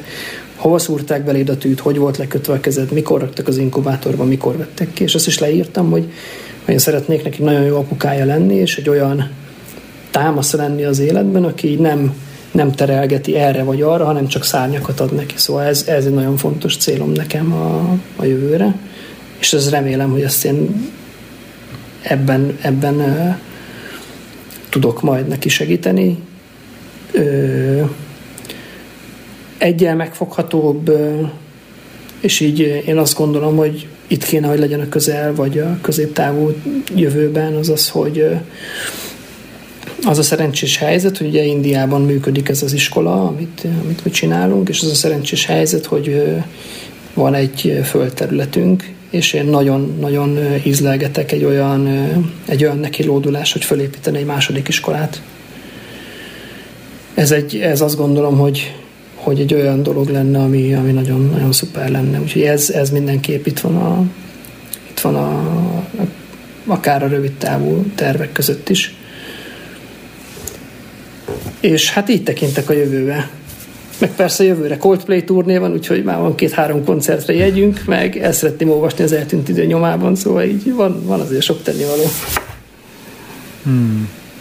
Figyelj, én, én jó egészséget és gyógyulást kívánok neked ezekhez, a tervekhez, és bár azt ígértem, hogy a előző volt az utolsó kérdésem, de hát ha még valakinek a hallgatók közül furdalja az oldalát a kíváncsiság, hogy az elején megígértem, hogy majd még ezt megkérdezem, hogy miért nem nevezed már magad coachnak? Hűha, na ez lehet, hogy egy másik adás, másik adás lenne, ahol egy közös, part, is, part two. közös ismerősünket is meg kéne hívni. Elmondom egyébként, hogy miért. Nyitott vagyok rá egyébként nekem, egy nekem ilyen adásra. Az, és csak elnézést kérek minden coachtól. Nekem a személyes tapasztalatom az, néhány év ilyen szervezeti kócskodást, meg, meg nem túl sok, de azért, de azért néhány óra egyéni coaching után is, ami, ahol ugye én működtem coachként, hogy egész egyszerűen próbáltam a napokban felidézni, és nem találtam egyetlen egy olyan alkalmat se, amikor önmagában a, a coaching, és itt most lehet, hogy azt a kiegészítést kell tenni, hogy pure coaching, az megoldás hozott volna. Tehát én maximum annyit, annyit tudtam tenni, hogy hamarabb segítettem az embernek eljutni terápiába, vagy hamarabb segítettem egy olyan inkább amit te ilyen hibrid megoldásnak hívsz, egy ilyen tanácsadás, tréning irányba eljutatni az embert, de önmagában abban, hogy, abban, hogy coaching, én hát nem hiszek, fogalmazhatunk így is. Mondom ezt úgy, hogy pár évig dolgoztam így meg. A hatás, a hatás hiánya miatt. Szerintem más, és ez tényleg már, már messzire mutat. Én egész egyszerűen nekem nincs olyan személyes élményem, hogy valaki a coachingban ne hozott volna be olyat, ami abszolút terápiáért kiállt. A, akár ez kiégés, hmm. akár ez személyes motiváció, akár ez konfliktus, kommunikáció. Előbb-utóbb én mindig valahogy eljutottam oda, hogy ide, ide, ide terapeuta kell. De ha ez nem igaz, ez az első pont, amiért, amiért, azt gondol, amiért én nem hívom magam coachnak. Ha ez nem igaz, és tényleg van ilyen, hogy, hogy pure coaching, akkor én meg ismerek olyan coachokat, hogy akkor inkább ők csinálják helyettem, mint én. Tehát, hogy akkor viszont, ha azt látom, hogy a coaching az, vagy van egy ilyen villanás, hogy a coaching az segíthet, akkor olyan emberekhez irányítom őket, akikről azt gondolom én, hogy akkor viszont inkább csinálják ők, mint én. Én ezért nem hívom. De azért, mert a felelősséget nem akarod vállalni, vagy azért, mert ők annyival jobbnak gondolod maga, mint magad? A második. Én bármiért vállalok bármekkora felelősséget. Tehát ez engem abszolút nem, nem, nem nyom össze. Csak egész egyszerűen vannak nálam sokkal, sokkal, sokkal jobb szakemberek. És, és akkor itt, itt az Istivel beszélgettünk egyébként erről, a, a, hmm. hogy... Szia Isti. Szia Isti. Hogy én azt gondolom, hogy ő, ő azt mondta erre, hogy ez egy személyes, tehát ez az én személyes témám, és ez nem a szakmáról szól, hanem az én személyes történetemről, és azt mondtam, hogy ögri. De én, én mm. lehet, hogy a személyiségemből adódóan, a tapasztalataimból adódóan, én nem tartom magam arra alkalmasnak, hogy ezen az úton végigmenjek, és kócsként úgy tudjak dolgozni, hogy én azt, hogy én azt ahogy viszont maximálisan felelősséget vállalnék azért, vagy, vagy úgy érzem, hogy maximálisan tudok segíteni a, a, a kócsiknak. Szóval én ezért nem hívom magam. És még van egy olyan, és még van egy lazán kapcsolódó olvasata a sztorinak. Én elég sokat dolgoztam vezetőkkel, meg szervezeti egységek felépítésével, vezetőkkel, mint személyekkel, amiből nekem abszolút az volt a tapasztalatom, hogy innen menekülnöm kell, mert ez az a környezet, ahol én nem tudok dolgozni. És én a szervezetben minél, minél, minél, minél lejjebb vagyok, annál jobban érzem magam. Tehát ha konkrétan egy, egy-két emberrel vagy csapattal tudok foglalkozni, és egy nagyon erős termékfókusszal, akkor oké. Okay. És egyre inkább azt gondolom, hogy, hogy én egy eszköztárat tudok mutatni, és ha azt mondom, hogy téged a coaching érdekel, akkor keresd meg őt, vagy keresd meg őt. És akkor, ha ő jó, akkor majd elküldi terápiába, de én, én, nem, én nem, nem hiszek ebben. Na jó, majd akkor Istit megkérdezzük, hogy van-e kedve erről egy külön műsort csinálni, mert azért nyilván engem ez több szempontból érdekel ez a téma, de alapvetően nincsen bennem semmi fajta háborgás, hogy ezt hallgatom, amit mondasz, sőt, én ennek a jó oldalát látom, mégpedig azt, ami mindenkire igaz szerintem, vagy igaz kéne, hogy legyen, hogy, hogy föl kell ismernünk azt, hogy mi az, ami összeegyeztethető a mi értékrendünkkel, a mi tudásunkkal, a mi világképünkkel, és amiben mi azt gondoljuk, hogy ott vagyunk a helyünkön, azt csináljuk, és abban legyünk jobbak, és amiben meg nem, azt meg tényleg lehet, hogy másabban jó. Nem kell ebbe megfeszülni szerintem. Én nem tudom. És hogy az nagyon sokat segít, Bocs, hogy belevágok hogyha ezt így, ezt így lerakod. Nem, csak hogy ez így nagyon sokat segít, hogy ezt le tudod Ez a hitelesség még, én nem, én nem tartom magam egy hiteles kócsnak. És az meg, az meg számomra megint egy érdekes kérdés, és itt majd lehet, hogy a te véleményedre is már egy ponton kíváncsi lennék, hogy úgy tud-e segítő lenni valaki, hogy egyébként olyan mentális problémái vannak, amin aktívan, am, amin aktívan dolgozni kell, és elég neccesek. Hogy ezt ketté lehet-e választani, ezt a, ezt a két, két Nem, én azt gondolom, hogy nem lehet, és most, most lehet, hogy nem tudom, pszichológus hallgatóink már emelik fel a piros telefont, vagy a, vagy a komment kalapácsra ütik szét mindjárt a fejemet, amit tegyenek meg, de hogy, de hogy mindenki, akármit is csinálsz, és most ebben a coaching, akárhogy is nézett, szerintem egy segítő foglalkozás, hogy mindenki a személyiségével dolgozik. És hogyha az sérült, vagy jó, kinek nem, de hogy, hogyha az így nagyon darabokban van, akkor, akkor csak olyan munkát fogsz tudni végezni szerintem. Tehát, hogy ez, ez alapvető felelőssége mindenkinek, aki segítő szakmában dolgozik, hogy ő maga rendben legyen. De ezt akár egyébként kiterjeszthetni a világ összes emberére is, hogy ez az alapvető felelősségünk, hogy mi magunk rendben legyünk. Mert ha nem, akkor bármilyen interakciót bárkivel milyen lesz? Nem?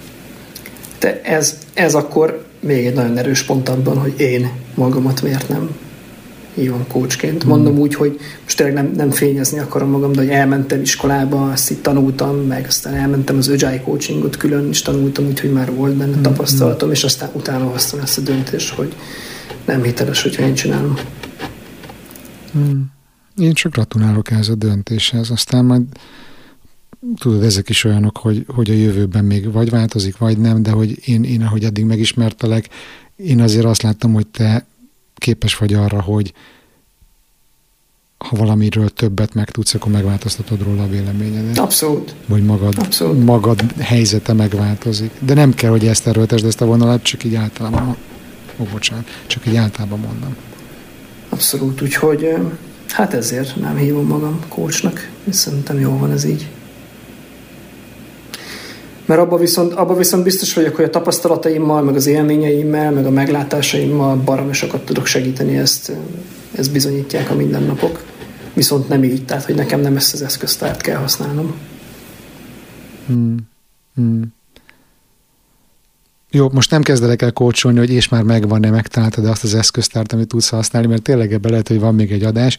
Én most, én most megköszönöm ezt a mait, jó? Meg megköszönöm a hallgatóknak a, azt, hogy itt vannak még Kitartó velünk, itt vannak velünk. Igen, igen. Én, én engem mindenképpen eh, ide szögezett a székhez a sztorid, úgyhogy, úgyhogy köszönöm még egyszer, Ricsi, és, és a legjobbakat kívánom neked. Én is köszönöm. Sziasztok! Sziasztok! Kedves hallgató, köszönöm, hogy még mindig itt vagy, remélem megérte végig maradnod.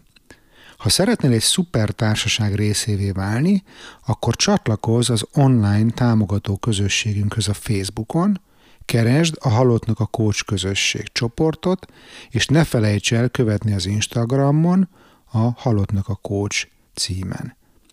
Amennyiben szeretnél velem dolgozni, részt venni egy csoportos coaching programon, vagy egyéni tanácsadáson, meghívni a cégedhez workshopot vagy érzékenyítő beszélgetést tartani, esetleg podcastet készítenél velem, akkor a részletekért látogass el a bánandrás.hu weboldalra. A bánandrás.hu-n feliratkozhatsz a hírlevelemre is, amiben péntekenként bepillanthatsz a kulisszák mögé, és megosztom veled, mi inspirál éppen, mit találok érdekesnek a világban. Iratkozz fel a Halottnak a Coachra a Patreonon exkluzív tartalmakért, és támogasd a munkámat havi egy kávé árával. Küldhetsz egyszeri támogatást is a Paypalon vagy Revoluton, részletek az adásnaplóban. Köszönöm már a figyelmed, kérlek iratkozz föl a Halottnak a Coach podcastre azon a lejátszón, ahol éppen most hallgatod, és mesélj a műsorról egy barátodnak. Bán András voltam, a mi hamarabb viszont hallásra.